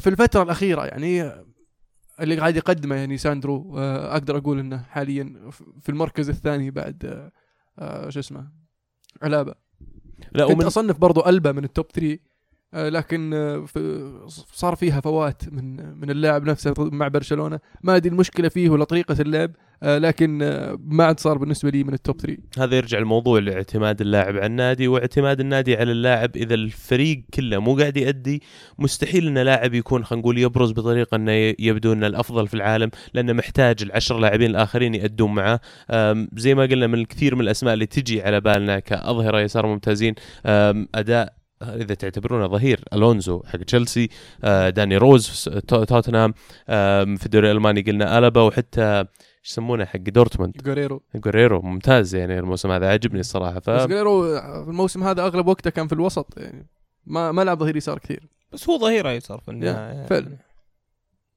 الجزء الثاني من السؤال بالنسبة للمهاجمين أنا أشوف آه، فعلا وش آه، المعايير؟ شوف آه، لما تقول كلمة مهاجم أحسها كلمة كذا فيج شوية. ما هي- غير غير. واضحه إي رقم نحددها. تسعة بالنسبة لي أهداف. عدد الأهداف؟ عدد الأهداف. طب لو تجيه 100 فرصة يسجل منها 50 وواحد ثاني تجيه 40 فرصة يسجل منها 38 مين أفضل؟ طبعا لازم تدخل في تتعمق في الموضوع نعم لازم تأخذ مثلا نسبة وتناسب عدد عدد الدقائق اللي لعبها عدد ال- ال- الفرص اللي جاتها. ف لكن في الأخير الأهداف تتكلم. لما تدخل في تتذكر صندوق الأسود إيه. وال- والدقة والأرقام هذه هذه شغلتهم هذه يطلعون لك الإحصائيات. يعني إذا هذا اللاعب والله عنده 30 هدف بس سعره غالي وهذاك عنده 25 لكن فرص محاولاته أقل تأخذ ال 25 اللي أقل. فلكن في الأخير في نهاية اليوم الأهداف تتكلم. فعلا. آه على عند- طاري اليوفي اليوفي فاز 2-0 أمام آه، وش كان اسم الفريق؟ بسكارا بسكارا نعم. آه، ال- هيغوين سجل اثنين. هو قاعد يقترب من صدارة الهدافين يا عمر. و- شوف كيف. أقول لك جاي مجلعد. كويس انه ما حد قال هيغوين بس الهداف ولا كان الاقي ال- الدفاع الدفاع والحارس. طبعا ريح بوفون. آه الباقي ما كان في تغييرات except ممكن ماركيزيو لعب مكان مكان خضيرة. مكان خضيرة. استغربت إنه لعب كوادرادو وديبالا وهيغوايين ومانزوكيتش لكن ما عندنا احتياط. اللعيبة مصابين كلهم. آه فعشان كذا مضطر انه يلعب نفس التشكيلة. ديبالا طلع مصاب لكن ال- اليوم تمرن مع ال- مع الفريق تمرين عادية فإن شاء الله راح يكون موجود في مباراة من برشلونه أو من أوائل الناس اللي توقعت انه يريحهم منزوكيتش عقب المباراة اللي سواها ضد اليوفي ضد البرشا. آه لكن لاعب أساسي في هذه المباراة. آه غريب فعلا. لأن. ديبالا تقول والله سحبها ضد برشلونة فممكن نريحه في هذيك المباراة على الأقل 10 دقائق ربع ساعة فيقدر يعطي المباراة هذه. وتتوقع منه إنه يسحبها في في المباراة الثانية اللي في الدوري ضد بسكارا. لكن آه منزوكيتش اللي مسكين. كلها. إيه. آه وليد عاد يشارككم فعلا الراي هذا. يقول غباء من أليجري في عدم خروج ديبالا وهيغوايين قبل بداية الشوط الثاني وأتمنى اللعب بخمسة دفاع. وطبعا عنده جزء ثاني أنا بفضل نترك نهايه الحلقة يقول من أفضل اللعيبة اللي عمرهم 18 وأصغر أبغى 10 لاعبين. أوف كثير ما شاء الله. لا موجودين سهلة جدا بس نذكرها في الأخير. غباء يعني راح يبان يوم الأربعاء إذا فعلا لاعب لاعبين مرهقين ولا لا. هو أدرى هو أقرب من اللعيبة. أم، سهل نتكلم الآن لكن آه، نشوف. ممكن هم يعني يمكن مانزوكيتش عنده مخزون لياقي عالي وما راح يأثر عليه. وقد يكون قد يكون الجري فعلا أخطأ. لكن ما أدري إذا اسميها غباء ولا لا. أما يدافع خمس لاعبين أتوقع هذه أكبر غلطة ممكن تسويها إنك تروح ملعب آه، برشا وتصف دفاع وتقول لهم يلا هاجمونا بتخسر. تخسر بعدد كبير من الأهداف. فأتمنى انه يستمر على نفس تشكيلته 4 2 3 1 زي ما هي مع تغير توظيف أداء اللعيبة. فعلا آه، في الأخير اللي تكسب به العب به وزي ما يقول لك المثل يعني if it ain't broke don't fix it عد تصريح اليجري إنه بيروح يحاول يجيب هدف. قال بنروح نسجل هدف. كذا هذه خطته يعني. فشيء مبشر بالخير. نابولي يفوز 3-0 على أودينيزي ويضيق الخناق على روما في المركز الثاني. الحين صار الفرق بينهم آه، أقل لكن آه، نابولي ضيع شوي آه، آه، التلحيم في روما عقب ما ضيع كم نقطة في المباراة السابقة آه، ميرتنز ما زال قاعد يهدف وكاليخون رجع للتهديف. هل في أكثر من كذا بالنسبة لنابولي؟ والله في إحصائية جميلة بالنسبة لنابولي الفريق الوحيد في في الدوريات الخمس الكبرى اللي عنده أربع لعيبة جابوا أكثر من 10 أهداف. اللي هم أتوقع هامشك والثلاثة اللي قدام. آه إيه بالضبط. كيخون كاليخون ميرتنز. وإنسيني. وهامشك طبعا زي ما قلت. فعندهم كمية أهداف عندهم لعب ممتع جدا. آم، أكثر من كذا نحاول باستمرارية من ناحية الدفاع لأن هجومك يسجل لكن دفاعيا قاعد تخسر نقاط قدام فرق متوسطة. الفريق يستطيع ينافس على الدوري. آه، يحتاج شوية إضافات واستمرارية. مدرب ساري مدرب ممتاز. وإذا استمر معهم وعززوا فريقهم أتوقع لهم مستقبل جميل. حلو نذكر بجدول الترتيب. بعد الجولة 32 في الدوري الإيطالي يوفنتوس في الصدارة 80 نقطة روما في المركز الثاني 72 نقطة نابولي في المركز الثالث 70 نقطة لاتسيو في المركز الرابع 61 نقطة. أتلانتا في المركز الخامس. 60 نقطة. إي سي ميلان يعود للمركز السادس ب 58 نقطة. إنتر في المركز السابع ب 56 نقطة. أي بيولي يجيب لهم مركز ثالث؟ والله مو بحوله. بس أعطى فريق بداية الموسم وخليه يختار لعيبته. ممكن يجيب لك رابع. أقول لك ممكن يعني. هذا يعني أفضل شيء ممكن. بس أنا لا أتوقع من أكثر من كذا. في صدارة الهدافين بيلوتي 25 هدف. دزيكو 25 هدف وهيغوايين ب 23 هدف. في المركز الرابع آه، إيكاردي وميرتنز ب 21 هدف. في الدوري السعودي الهلال يضيع فرصة الفوز بالدوري وحسم اللقب ويتعادل مع الأهلي صفر صفر. في مباراة أبدع فيها ياسر المسيلين ووقف صد منيع أمام هجوم الهلال اللي ضيع يعني كور ما تتخيل. الحظ ما كان مع الهلال في المباراة هذه يعني عارضتين وأنواع الفرص قدام باب قاعد تضيع. مرات إذا الكورة ما مشت معك إذا الحظ ما مشى معك ما انت فايز من الآخر فعلا أنا ما أشوف في كثير يذكر في المباراة هذه. إلا اللي اللي ذكرتوه يعني. أتوقع غطيتوا كل شيء صار في المباراة. عاد موسيقار زماني يقول ليو عنوان للخذلان والخذلان عنوانه. ليو لازم نتعاقد مع مختار فلاته ونرجع الشمراني. وإذا ما تعاقدنا مع مختار فهذا فشل إداري بحت. قاسي والله موسيقار زماني. والله قاسي فعلا. شوف موضوع فشل إداري بحت عشان ما تعاقدت مع لاعب الإدارة أصلا ما قاعدة تتعاقد معاه هذا شوي في قسوة. شوف. اي والله صدق صراحة. رجال دكتاتوري شوي هذا. جيبوا اللي يبغاه ولا تراكم فاشلين. لكن آه، ليو فعلا ما هو في مستوى الهلال. آه، مع إنه سجل أهداف فترة معينة لكن قبل وبعد آه، مستواه أقل بكثير من مهاجم أول في فريق الهلال. أتوقع حان وقت تغييره. أتمنى أجنبي آخر لأن السعوديين قليلين. و بس برضو نحتاج يعني. مختار فلاتة طب تحس ممكن؟ إيه، أتمنى يكون في الهلال. نعم لكن ممكن ما يكون بديل؟ إيه، ما يكون أساسي نعم. لا بديل لليو. يقوم يقوم بالدور اللي قاعد يقوم به ليو في راح الهلال. آه، أعتقد راح يقدم مستوى أحسن من ليو. إلى إلى إلى ما الهلال. نجيب إلى ما يجيب الهلال يعني لاعب أجنبي آه، بمستوى أفضل من ليو بمستوى يعني يليق بنادي الهلال. آه، ما عندي مشكلة ناصر. الشمراني معار. طيب آه، طويتوا صفحته خلاص؟ المفروض إنه يعني نا- ناصر الشمراني آه، ما عاد هو في مستوى الهلال برضو. آه، اللاعب لما يوصل المرحله اللي يشوف إنه أفضل من اللي حوله ويبدأ يفكر إنه أكبر من النادي فأشوف إنه يعني آه، محله مو. أتمنى أحد من اثنين مهند عسيري أو مختار فلاته. والمشكلة إن تتكلمون عن ليو بوناتينو وجماهير الهلال كثير يتشكون منه. اللي اللي, اللي كان قبل هيوغو الميدا يا أخي لما تجي تقارنه فيها الحين اللي كانوا ذاك الوقت كمان جماهير الهلال شابين عليه كثير أنا أشوف أفضل بمراحل من اللي قاعد يقدمه ليو. على الفك على فك على الطاري هذا. هو سبب في إحراز 22 إدواردو. ترى الأهداف في يعني 22 مباراة آه، ألميدا سجل آه، ست أهداف أقل من ست أهداف. وبرضه اللي هو في 22 مباراة آه، سجل 12 هدف. وصنع أهداف أكثر من ألميدا. ألميدا صح بتحركاته كان يفتح بالضبط، المساحة بالضبط. ل- لإدواردو بالضبط. عرفت؟ بس إنه برضه ما كان قاعد يؤدي هجوم لما يوصل المرمى ما ما يعرف يخلص يعرف وياخذ وقت الجول. كثير على الكورة يمكن الهلال مم. ياخذ هجمة مرتدة هو لازم ياخذ اللمسة واللمستين وثلاث على الكورة قبل ما يمشي اللعب. فعلا. الشباب يخسر واحد اثنين أمام الرائد والشباب يعني ما زال آه، من جفرة إلى دحديرة. والاتحاد يفوز 4 2 على القادسية. هجوم فتاك بالنسبة للاتحاد وما زال المستقبل إن شاء الله آه، باهر لأن عندهم لعيبة شباب. ورغم الظروف نشوفهم لسه ينافسون. ويعني وعشمنا أن بعد الترتيب الإداري إن شاء الله اللي ممكن يصير خلال الصيف اوريدي أعلن آه، الأمير عبد الله بن مساعد انه راح تقام الانتخابات المبكرة بالنسبة لنادي الاتحاد لتحديد الإدارة ومن سيتولى دفة النادي. أتمنى أن الترتيب الإداري هذا ما يجعل الروح اللي كانت موجودة خلال السنة هذه مع الاتحاد تغيب لأن مرات لما يصير تشعر أن الظروف مو قاعدة تمشي معك يلتم الفريق على بعضه وتحس أن الروح صارت واحدة بينهم. أتمنى أنهم يحتفظون بهذا الجانب من آه، موسمهم هذا.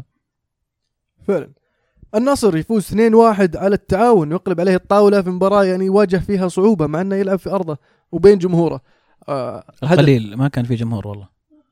ما زعلانين جمهور النصر. اي صراحة لأن, فيه لأن شيء مؤسف ك... كواحد مم. نصراوي يقول لك شيء مؤسف إن نطلع المركز الثاني في موسم أنا أشوف إنه كان أقرب إننا سيئين من إننا فعلا منافسين على الدوري آه ثلاث مباريات أساسية ذكرها اللي خسرناها كان ممكن قلبت موازين الدوري كلها مباراة ضد القادسية خسرت مباراة ضد الخليج إذا ما كنت غلطان خسرت وفي مباراة ثالثة ضد آم، ضد الرائدة والتعاون في بداية الموسم كمان خسرت. ضد الاتفاق خسرت. ضيعت نقاط ضد فرق يعني ما ودي أقول صغيرة لكن ضد الفرق اللي ما هي بتنافسك على البطولة. ف للأمانة إن شاء الله الترتيب الاداري اللي ممكن يصير كمان في النصر خلال الصيف القادم ممكن تصفية بعض اللاعبين راح تدفع النادي إنه ينافس الموسم الجاي إن شاء الله. الفتح يفوز 3-2 على الباطن. في معركة الهبوط ويخرج من آه من يعني من قاع مو من قاع الترتيب لكن من من المراكز ال- ال- المهددة بالهبوط. المباراة كانت في الحسا طبعا وفعلا أنا سعيد إن الفتح تمكن إنه يفوز الدعم الجمهور أو الدعم الجماهيري الكبير اللي اللي قدموه آه، أبناء منطقة الحسا أو مدينة الأحساء ما قصروا فيها وان شاء الله من ذي إلى احسن ونعتبر إن الموسم هذا اللي صار آه، آه، ما يمثل ما سيقدمه الفتح في الفترات القادمة. نذكر بجدول الترتيب في الدوري السعودي بعد الجولة 23 الهلال في الصدارة ب 57 نقطة النصر في المركز الثاني ب 49 نقطة الاتحاد في المركز الثالث ب 48 نقطة والأهلي ينزل للمركز الرابع ب 46 نقطة. الدوري أشوف إنه انحسم في جميع النواحي ما عدا صراع الهبوط أتوقع راح يكون مشاعل حتى آخر جولة لأن آه، نشوف في المركز ال 11 الفتح 22 نقطة مركز 12 الباطن 22 الخليج مركز 13 ب 21 نقطة الوحدة مركز 14 ب 17 يمكن الوحدة شبه خلاص الأقرب هبوط. والباقيين في مباراة واحدة ممكن تنقلب الآية كلها. حتى حتى القادسية في المركز العاشر ترى ب 24 نقطة يعني صحيح. يخسر المباراة الجاية ويفوزون ال- ال- ال- الباطن والفتح ينزل هو للمركز 12 يعني بالذات إن في اثنين يهبطون مباشرة وواحد يص- يصفي مع مع المركز اللي الثالث هو في- النظام الجديد. إيه ف مش هذا أحمس شيء في الدوري الباقي يعني الحين عندنا مشاركة من آه، ماجد المدني يقول رأيكم في التعصب والجدل الكبير على ألقاب رمزية للأندية المحلية وهل تدخلات الإعلام وهيئة الرياضة يساعد في حل ولا زيادة المشكلة؟ يا أخي والله أنا موضوع ال- ال- الألقاب هذه وال- مضحك الصراحة. التفاهات اللي قاعدين نسمع عنها يعني لما بس يكفيك إنك تفتح تويتر وتشوف الهاشتاجات اللي اللي أكثر تداولا في أي وقت تلاقي لك أشياء سخيفة يعني قضية آه، شو اسمه عوض وقضيه العويس. الناس تنسى إن في مباراة ومتابعة ال- ال- ال- الهدف الرئيسي اللي إحنا نتابع منه كرة دوري القدم. كامل مو بس الدوري. ينسون يروحوا يركزون على مدري مين وش قال وذاك إيش اسمه من من بحق قايل اسمه لكن ذاك الإعلامي الفلاني اللي إيش سوى وما أدري من هو وش وش, آه، وش. يا أخي بلا تفاهات تابعوا كرة القدم. وبعدين يجيك واحد اليوم أنا جاي بالسياره أسمع في الراديو داق على الراديو ويهاوش وزعلان عشان إيش؟ عشان عسكري في الملعب ما خلى مشجع يدخل معاه على مكتوب عليه الملكي. يا أخي بلد طز في المل- أسم- أسماء ما يهم ملكي ولا غير ملكي. ما تف... هذه كلها أشياء مو مهمة. المهم في شجع فريقك. داق وزعلان وقلب الدنيا و... و... وفي أحزاب وما أدري إيش وفيه تعصب. وفيه. شلل وأنتم كذا تحاربوننا وحتى حتى عشان الرياضة كلمة ترى. ملكي على علم يا أخي كبروا عقولكم فكروا في, كرة القدم خلوا عنكم التفاهات هذه حتى هيئة الرياضة مو قاعدة تساعد أنا أشوف تدخلاتها إقامة اللجان إقامة آه، تدخلات في أمور زي هذه أشوف شيء تافه يعني فعلا ركزوا على الدوري ركزوا على البرودكت اللي قاعدين نقدمه كرة القدم احضر ادعم فريقك ولا تضيع وقتك فعلا في التفاهات أو الأمور هذه اللي ما لها قيمة ولا تغني ولا تسمن من جوع. في قرار جديد حق التعصب اللي صدر أتمنى يطبق بحذافيره لأنه راح يوقف كثير من من من هذه الأشياء اللي ترى كثير من مصدرها للأسف الإعلام. كثير من الاعلام القانون؟ أن يعني عقوبات صارمة على اللي اللي يحرض على أي نوع من التعصب سواء على على القنوات أو في تويتر أو في أي مكان اي أي واجهة إعلامية. لما أفتح أي قناة آه، معلش أفتح أي قناة تلفزيون سواء آه، مليانة برامج مليانة. حتى يعني في يمكن 10 برامج يجيك في اليوم. افتح أي قناة تتفرج على أي واحد. تلاقي واحد يصارخ والثاني يهاوش. البرامج هذه كلها بتوقف كذا لو طبقوها. أتمنى لأن أتمنى أصلا البرامج أتمنى. تقوم هذه على ال على, ال على الأساس هذا. اللي يمكن. يجيبون لك اثنين يتهاوشون عرفت؟ و... إيه. وينرفزون بعض ثم ينرفزون جمهور ثم يطلع لك هاشتاج في تويتر يترك ونزل. لنا مجال هذا في. التلفزيون نطلع نسوي وهذا هو. السبب الرئيسي من البودكاست انه هذوليك يتهاوشون. إحنا قاعدين نسولف نناقش شيء اللي إحنا نشوفه صدق. يعني في واحد من الإعلاميين يحرص إنه ما يجيب إلا هلالي ونصراوي. دائما معه. أو اتحادي وأهلاوي. أو إذا مباراة مثلا الشباب يجيب شبابي واهلاوي ليش؟ ليش معنى إنك ما تجيب إلا اللي ميول هذه الميول عشان يتهاوشون؟ ولا ويجيب لك أكثر واحد متعصب من هنا وأكثر واحد متعصب من هنا. ما يجيب لك واحد منطقي عاقل نصراوي لا يجيب لك أكثر واحد متعصب. يعني كله عشان يحرك. تقدر تقول الإعلام الرياضي تخلى عن مبادئه وقام يدور الفلوس وينها فيه. أحسنت. بالضبط. وأتمنى هذا الشيء يخلق مجال لبرنامج كرة معنا. تشوفونا قريبا على شاشات التلفزيون. والله على الح... على الحش اللي قاعدين نسويه. والله بيسحبون علينا. ما نجيب إحنا ما نجيب لا يبون يبون نسوي مشاكل بالضبط. اي يبون نسوي مشاكل الحين. هنا إيه. نطاق عشان تعال. تعال أنت اطلع لي بعد فزت تعبان. هاشتقوه هاشتقوه والله الاقرب؟ الأقرب للهاشتاج آه ألمو. ترى طلابك كثير صاروا.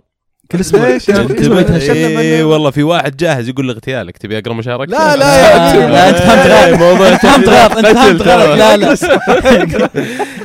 أنا عشان يعني نحافظ على سلامة ال- البرنامج وفعلا الحيادية أنا راح أقرأ ال comment صراحة على ال- ال- ال live يعني.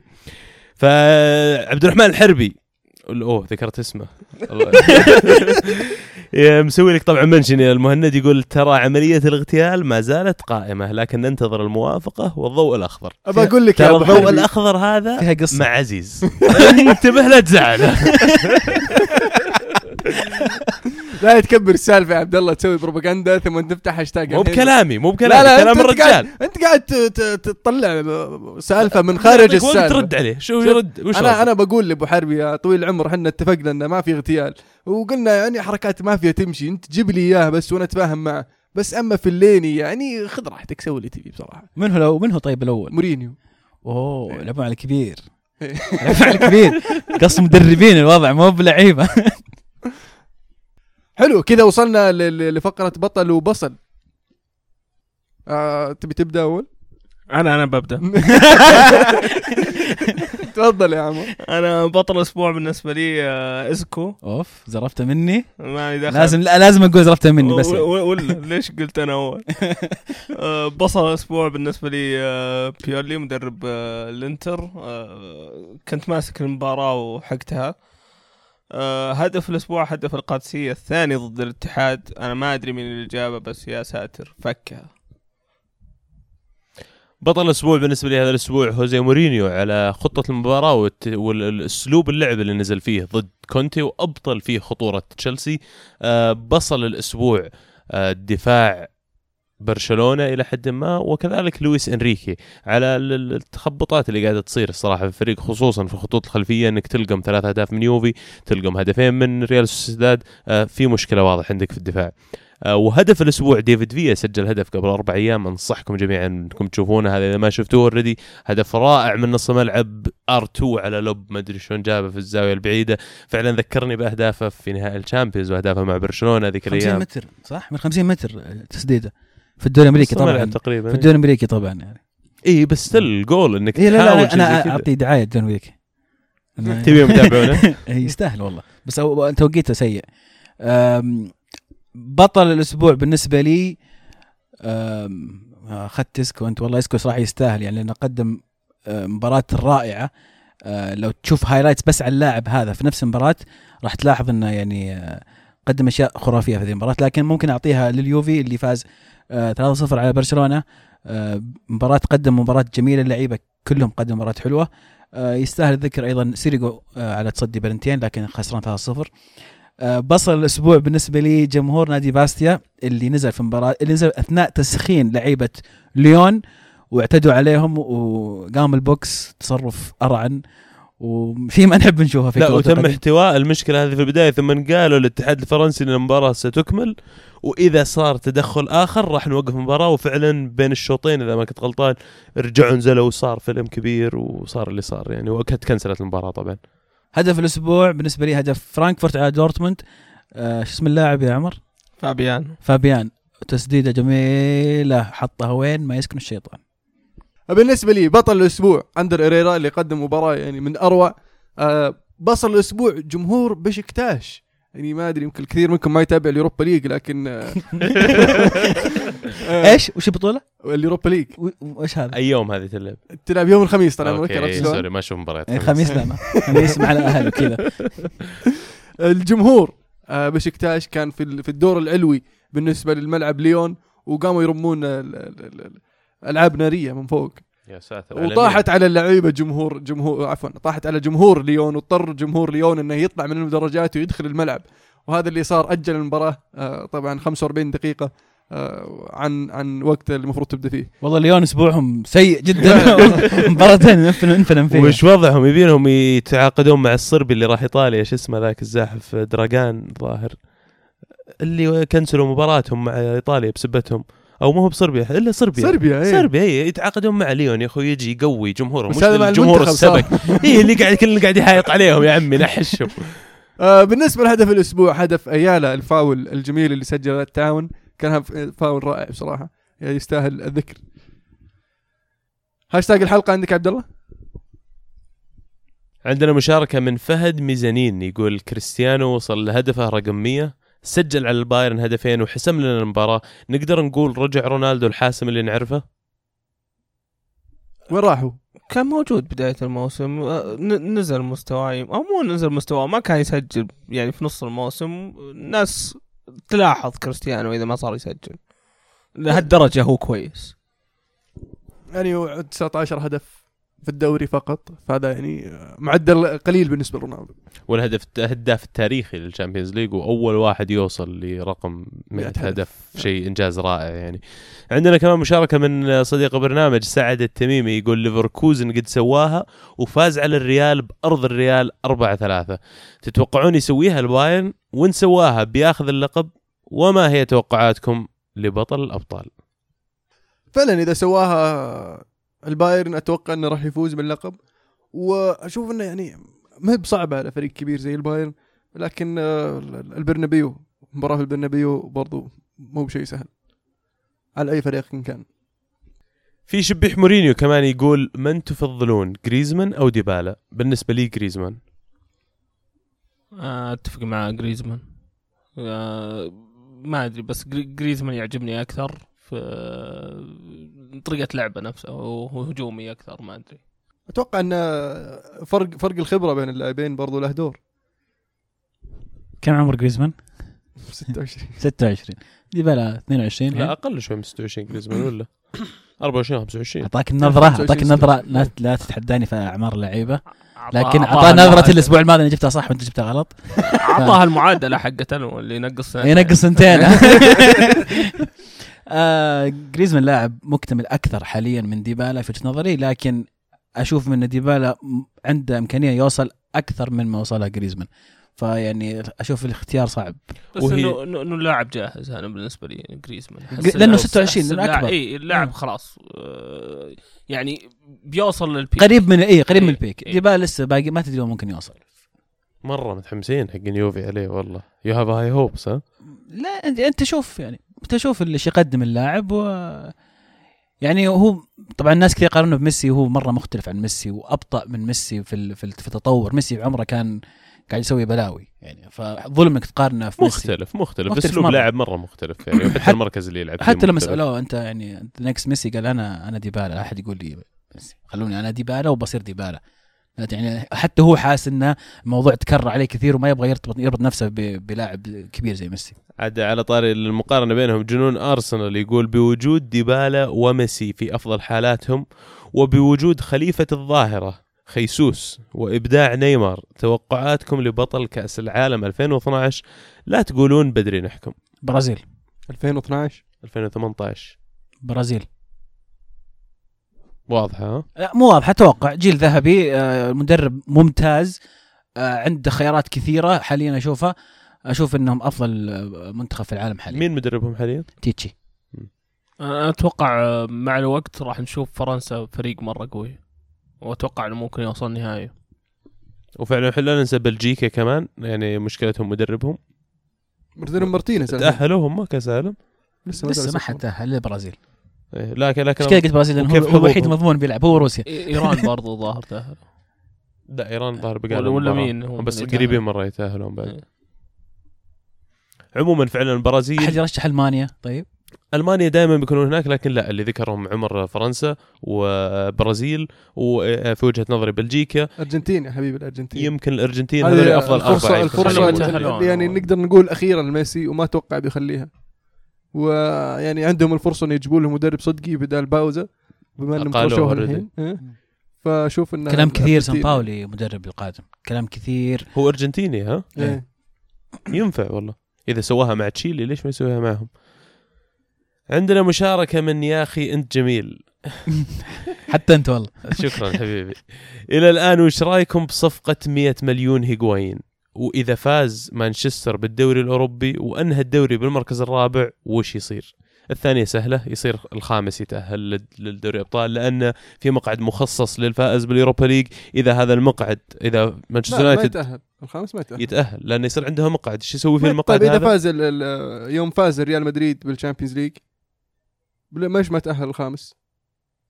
فعلا. سؤال كويس. لا, لا يتأهل. إذا مانشستر صار الرابع ما لا أنا أقول لك ليش. لأن الفريق اللي عادة اللي يفوز بال Champions League يكون متأهل لل Champions League في حال فوزه في ال Champions League وما كان في ال top four ولا top 3 في في ال- ال- الدوري حقه هذه حالة استثنائية. هذا أول حالة استثنائية. الحين صار رسمي. بطل ال Champions League يتأهل مباشرة. صار حتى لو ما كان. متى آخر مرة صارت؟ بطل ال Champions League ما كان في ال top four ليفربول إذا توني. قاري الموضوع. وبحثت فيه إذا فاز مانشستر يونايتد يتاهلون أربعة فقط. في حاله يتأهل خمسة متى؟ إذا كان بطل ال Europa League خارج الأربعة. بطل Europa League أو ال Champions League أو Champions خارج الأربعة. اذا إذا يعني في حالة إن اليونايتد ما صار من ال top four وفاز بال- بال Europa League وليستر فاز بال Champions League في هذه الحالة الرابع ما يتأهل.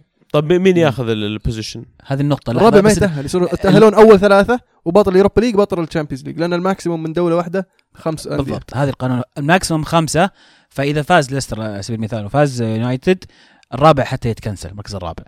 لكن في الحالة حقت إن مانشستر ياخذ الرابع يتأهلون أربعة فقط الخامس ما ما يعطى الخامس. advantage وهو ما سوى شيء. طيب لو طبعاً- مانشستر يونايتد ما فاز بال Europa League أيوه. طلع الرابع يتأهل لل Champions League وش يصير لل- للموقع هذا حق بطل ال Europa League انت تو قلت ما فاز كيف فاز؟ الأولى هذا. مقارنتي لك آه. إنه بيتأهل فريق بدالة الحين أنت لو يونايتد إيه. فاز تأهل بصفته رابع وبطل اي في مقعد ضاع فهمت اي قصدك؟ وين راح هذا الموقع؟ ضاع تصفيات فاهم. فاهم شلون ضاعوا؟ فا- فاهم نقطتك بس القانون كذا إذا كان برا الأربعة اللي المفروض يتأهلون من الاتحاد طبعا الاتحاد هو اللي يقرر مين اللي يتأهلون إذا كان برا المقاعد هذه وكان فايز باحدى بطولتين Champions أو ال Europa League يتأهل مع الأربعة أوكي فالقانون كذا القانون هذا تغير طبعا بعد 2012 بعد ما تشيلسي فاز بال Champions League وكان برا المناطق مو ليفربول؟ ال- ال- 2012 تشيلسي يوم فازوا بال Champions League كانوا السادس في الدوري وتوتنهام راح عليهم المقعد مو كان المركز الرابع فعلا وكانت ذيك حتى ذاك الموسم كان ما سمحوا لخمس أندية بالمشاركة. وضعيفين توتنهام وطيب وش رأيكم صفقة 100 مليون هيجوين؟ والله هداف يعني ما زال قاعد يهدف رجال ويعني فريقه متصدر وقريب من صدارة الهدافين. صدق المبلغ كبير بس إنه كصفقة يعني لو يعني تنا- ما تناظر المبلغ نفسه الل- اللاعب جايب 23 هدف في الدوري آه ثالث الهدافين آه تشامبيونز قاعد يجيب أهداف يعني آه تقدر تقول حاسمة. ف صفقة كويسة. إلى الآن. 90 مليون. بس يعني عشان بيكون 10 مليون فرق أبد. العشرة تفرق. لكن. زي- ما ذكر عمر أشوف اللاعب ينافس على الهدافين يجيب أرقام ما جابوها لعيبة في اليوفي من من سنوات. أشوف إنه يعني بالعكس أه، صفقة جيدة. أه، وإذا فزنا بال Champions خليها يا شيخ 190 مو ب 90 مصعب ريوتا عنده مشاركة يقول مشكلة أليجري حتى يصبح مدرب كبير أنه ما يرقص عند خط التماس أو يصرح بتصريحات نارية ويقوم بانفعالات وتصرفات غريبة. طبعا حط هاشتاج تهكم في الأخير. أم، فعلا أتفق معه لكن من ناحية إن المدربين اللي يسوون زحمة عليهم هالة إعلامية أكبر لكن مو هذا الشيء اللي يحدد. اللي يحدد مين موجود في نها... في ال semi final مثلا في ال Champions League كل سنة مين موجود قاعد يفوز بدورية كل سنة بالإمكانيات اللي متوفرة عنده. أليجري قاعد يقدم أداء أو مجهود رائع مع الفرق اللي قاعد يدربها من ميلان مرورا باليوفي وإلى محطته الجاية سواء كانت أرسنال ولا منتخب إيطاليا ولا حتى أي تحدي راح يروح له أتوقع النجاح لهذا المدرب. نقطتين بضيفها آه، اليجري ترى يسوي حركات على الخط فلو تتابع آه، كويس تشوف لقطات له كثيرة وهو يهاوش ويفسخ الجاكيت ويرميه فجأة كذا تقفل معه فيعني يسوي حركات لكن مو بقدر بعض المدربين الثانيين. أنا أشوف بالنسبة لي إنه مدرب كبير لأنه في آخر ثلاث سنوات قاعد يدرب اليوفي وفي كل سنة له دور مؤثر في ال Champions League. وصل النهائي. السنة هذه قاعد نشوف إيش قاعد يسوي. الموسم الماضي خرج من بايرن ميونخ في مباراة آه، دراماتيكية ذهاب وإياب 2 2 في مباراتين بعدين فازوا بايرن بالإضافية. فأشوف انه بالعكس أثبت نفسه على على أعلى مستوى. وهو ترى مدرب كبير. ما أقول لك انه من أفضل مدربين العالم حاليا الثلاثه مثلا. لا بالعكس لكن أشوف إنه مدرب كبير يعتبر. مو المدرب. ما بعض المرات ما تنفع الحركات اللي على ال- الخط. يعني نتذكر ال Crouching Tiger اندري فياس بوس كان عليه حركات وشطحات وآخر شيء يعني طلع ما عنده سالفة. يا شيخ فان قال قام يتبطح.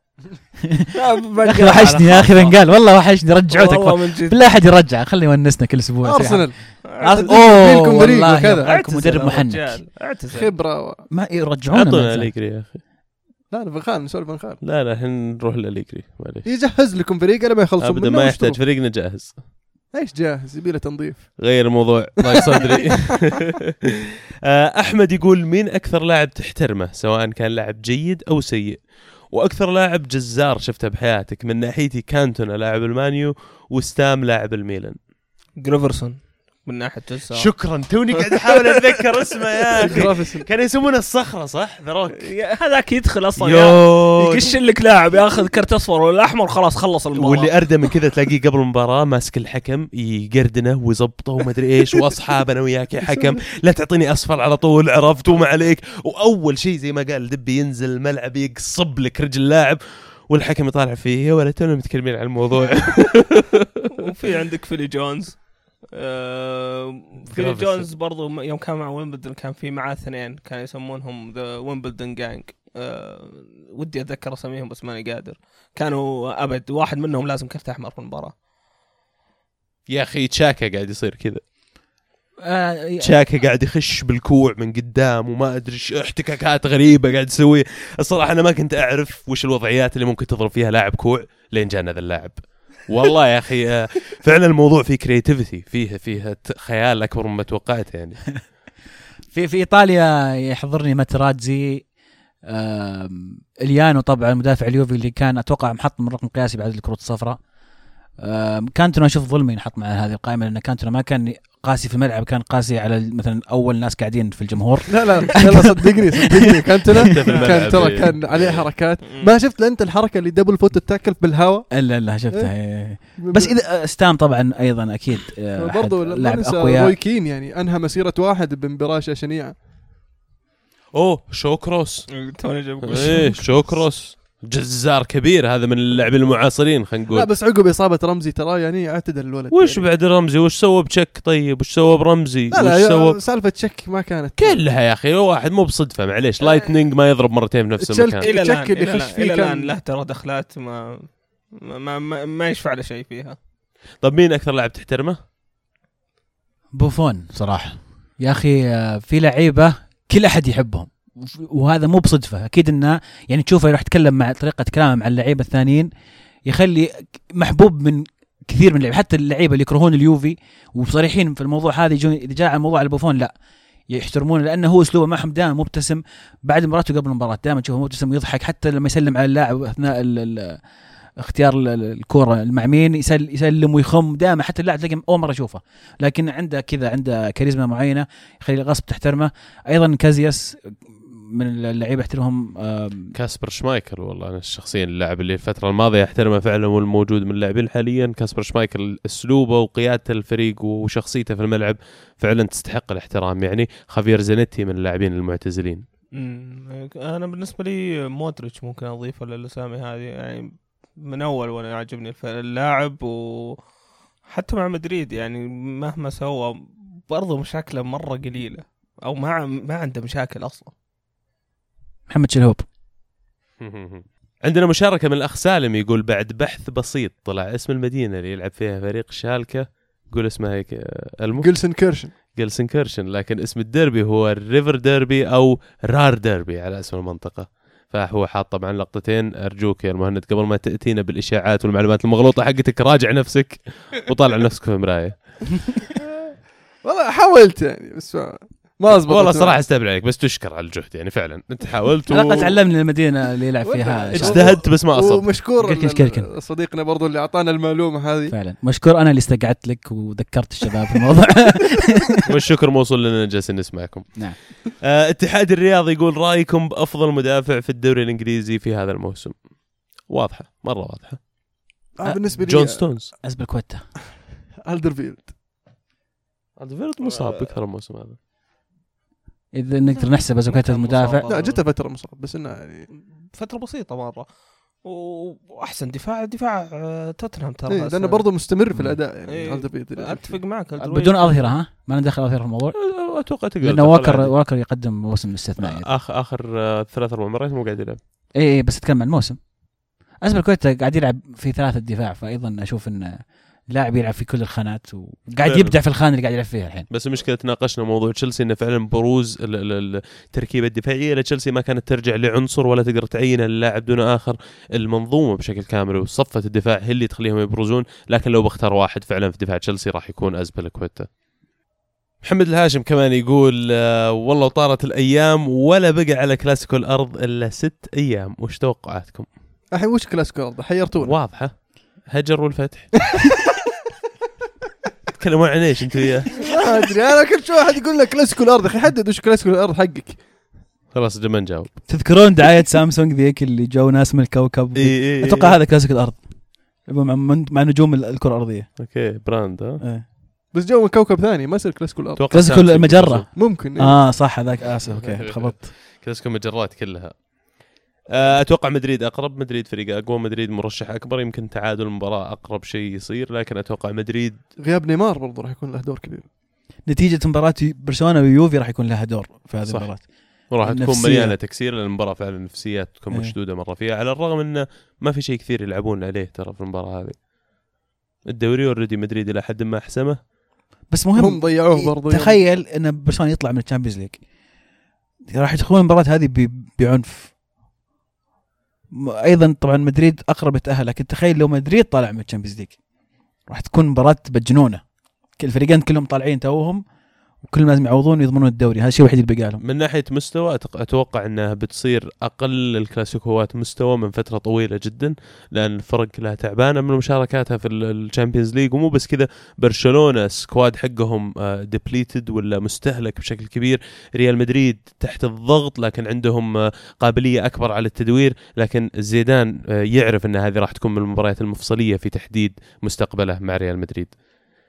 آه وناخذ آخر سؤال أو آخر مشاركة معنا الليلة. عبد الرحمن الشمري يقول توقعاتكم لدوري الأبطال هل هدف أول ربع ساعة لبايرن يربك مدريد أم لا؟ طبعا.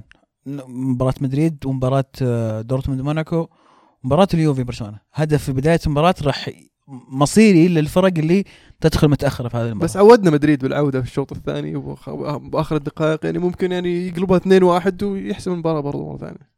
طبعا ممكن. اي بس أقول لك راح يسبب إرباك. ما قلت لك انه راح يخليهم يتأهلون لكن راح يربكهم أكيد. بالنسبة لبايرن مدريد فعلا بايرن راح يسعى إنه يسجل هدف مرة بدري راح يسعى إنه يحط مدريد تحت الضغط راح يصير عندهم ال- الشيء الكثير إنهم يثبتونه ويعوضونه خصوصا إنهم حسموا الدوري بينهم وبين منافسهم 10 نقاط في الدوري الألماني.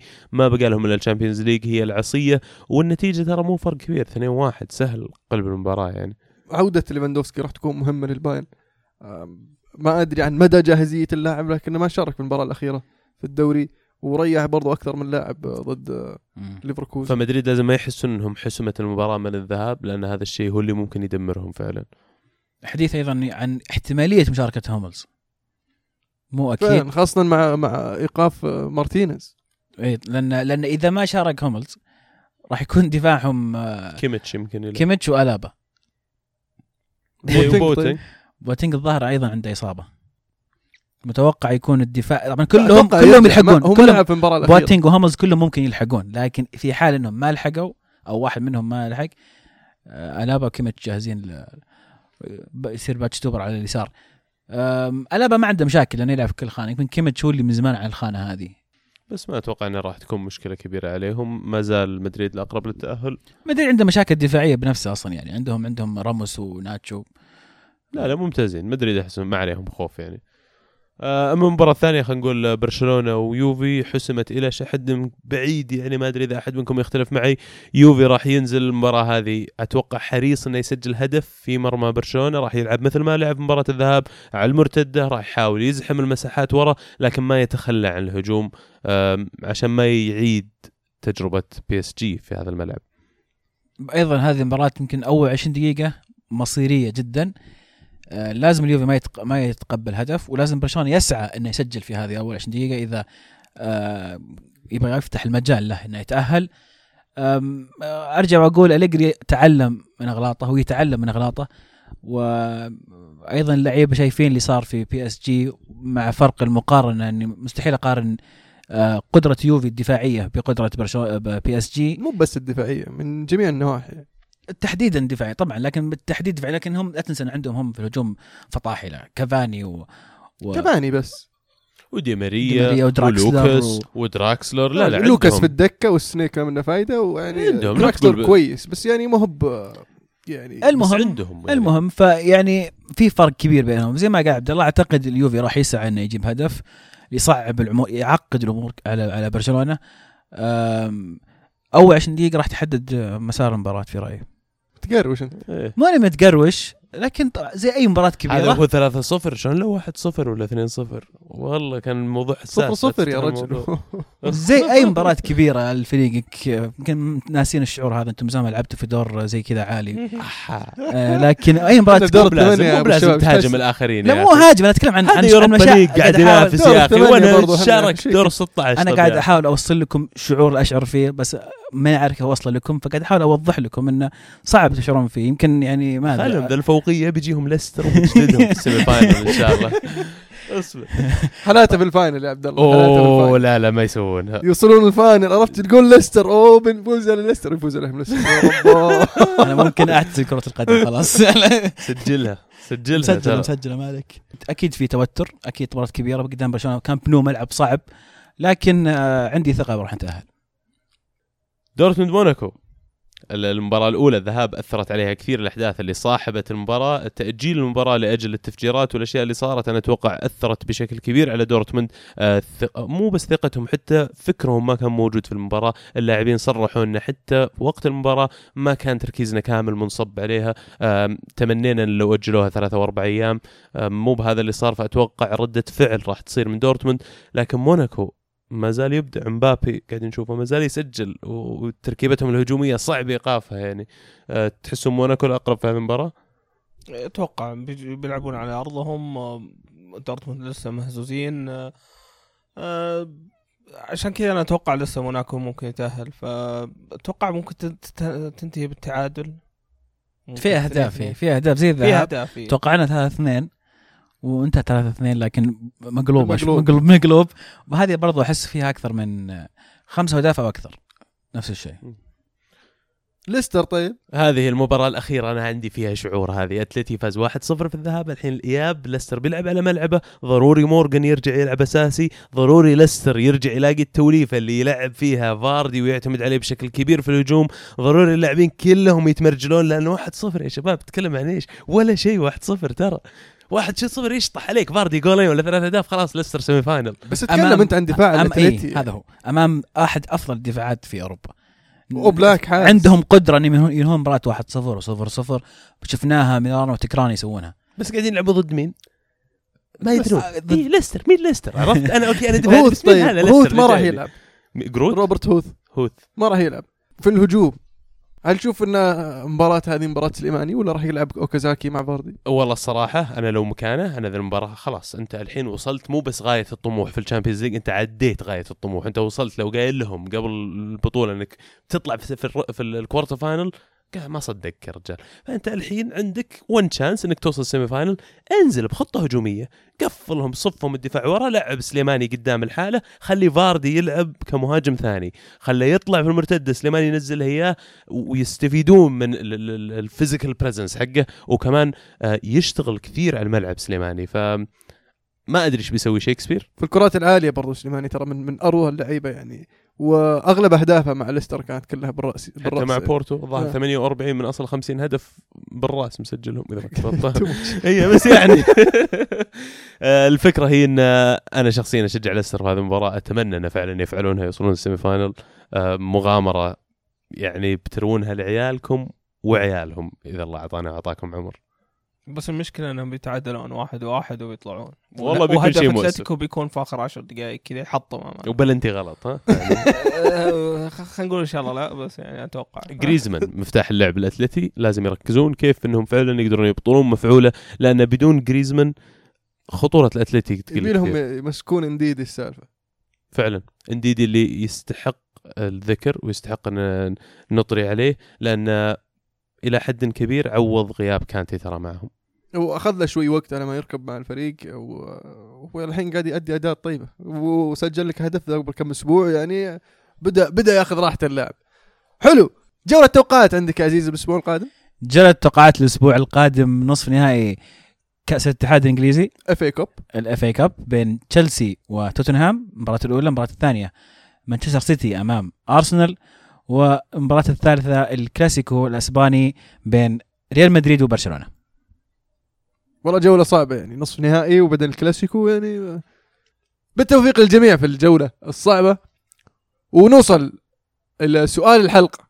من في رأيكم الأقرب لمنافسة اليوفي بالنسبة للدوري الإيطالي في السنة القادمة؟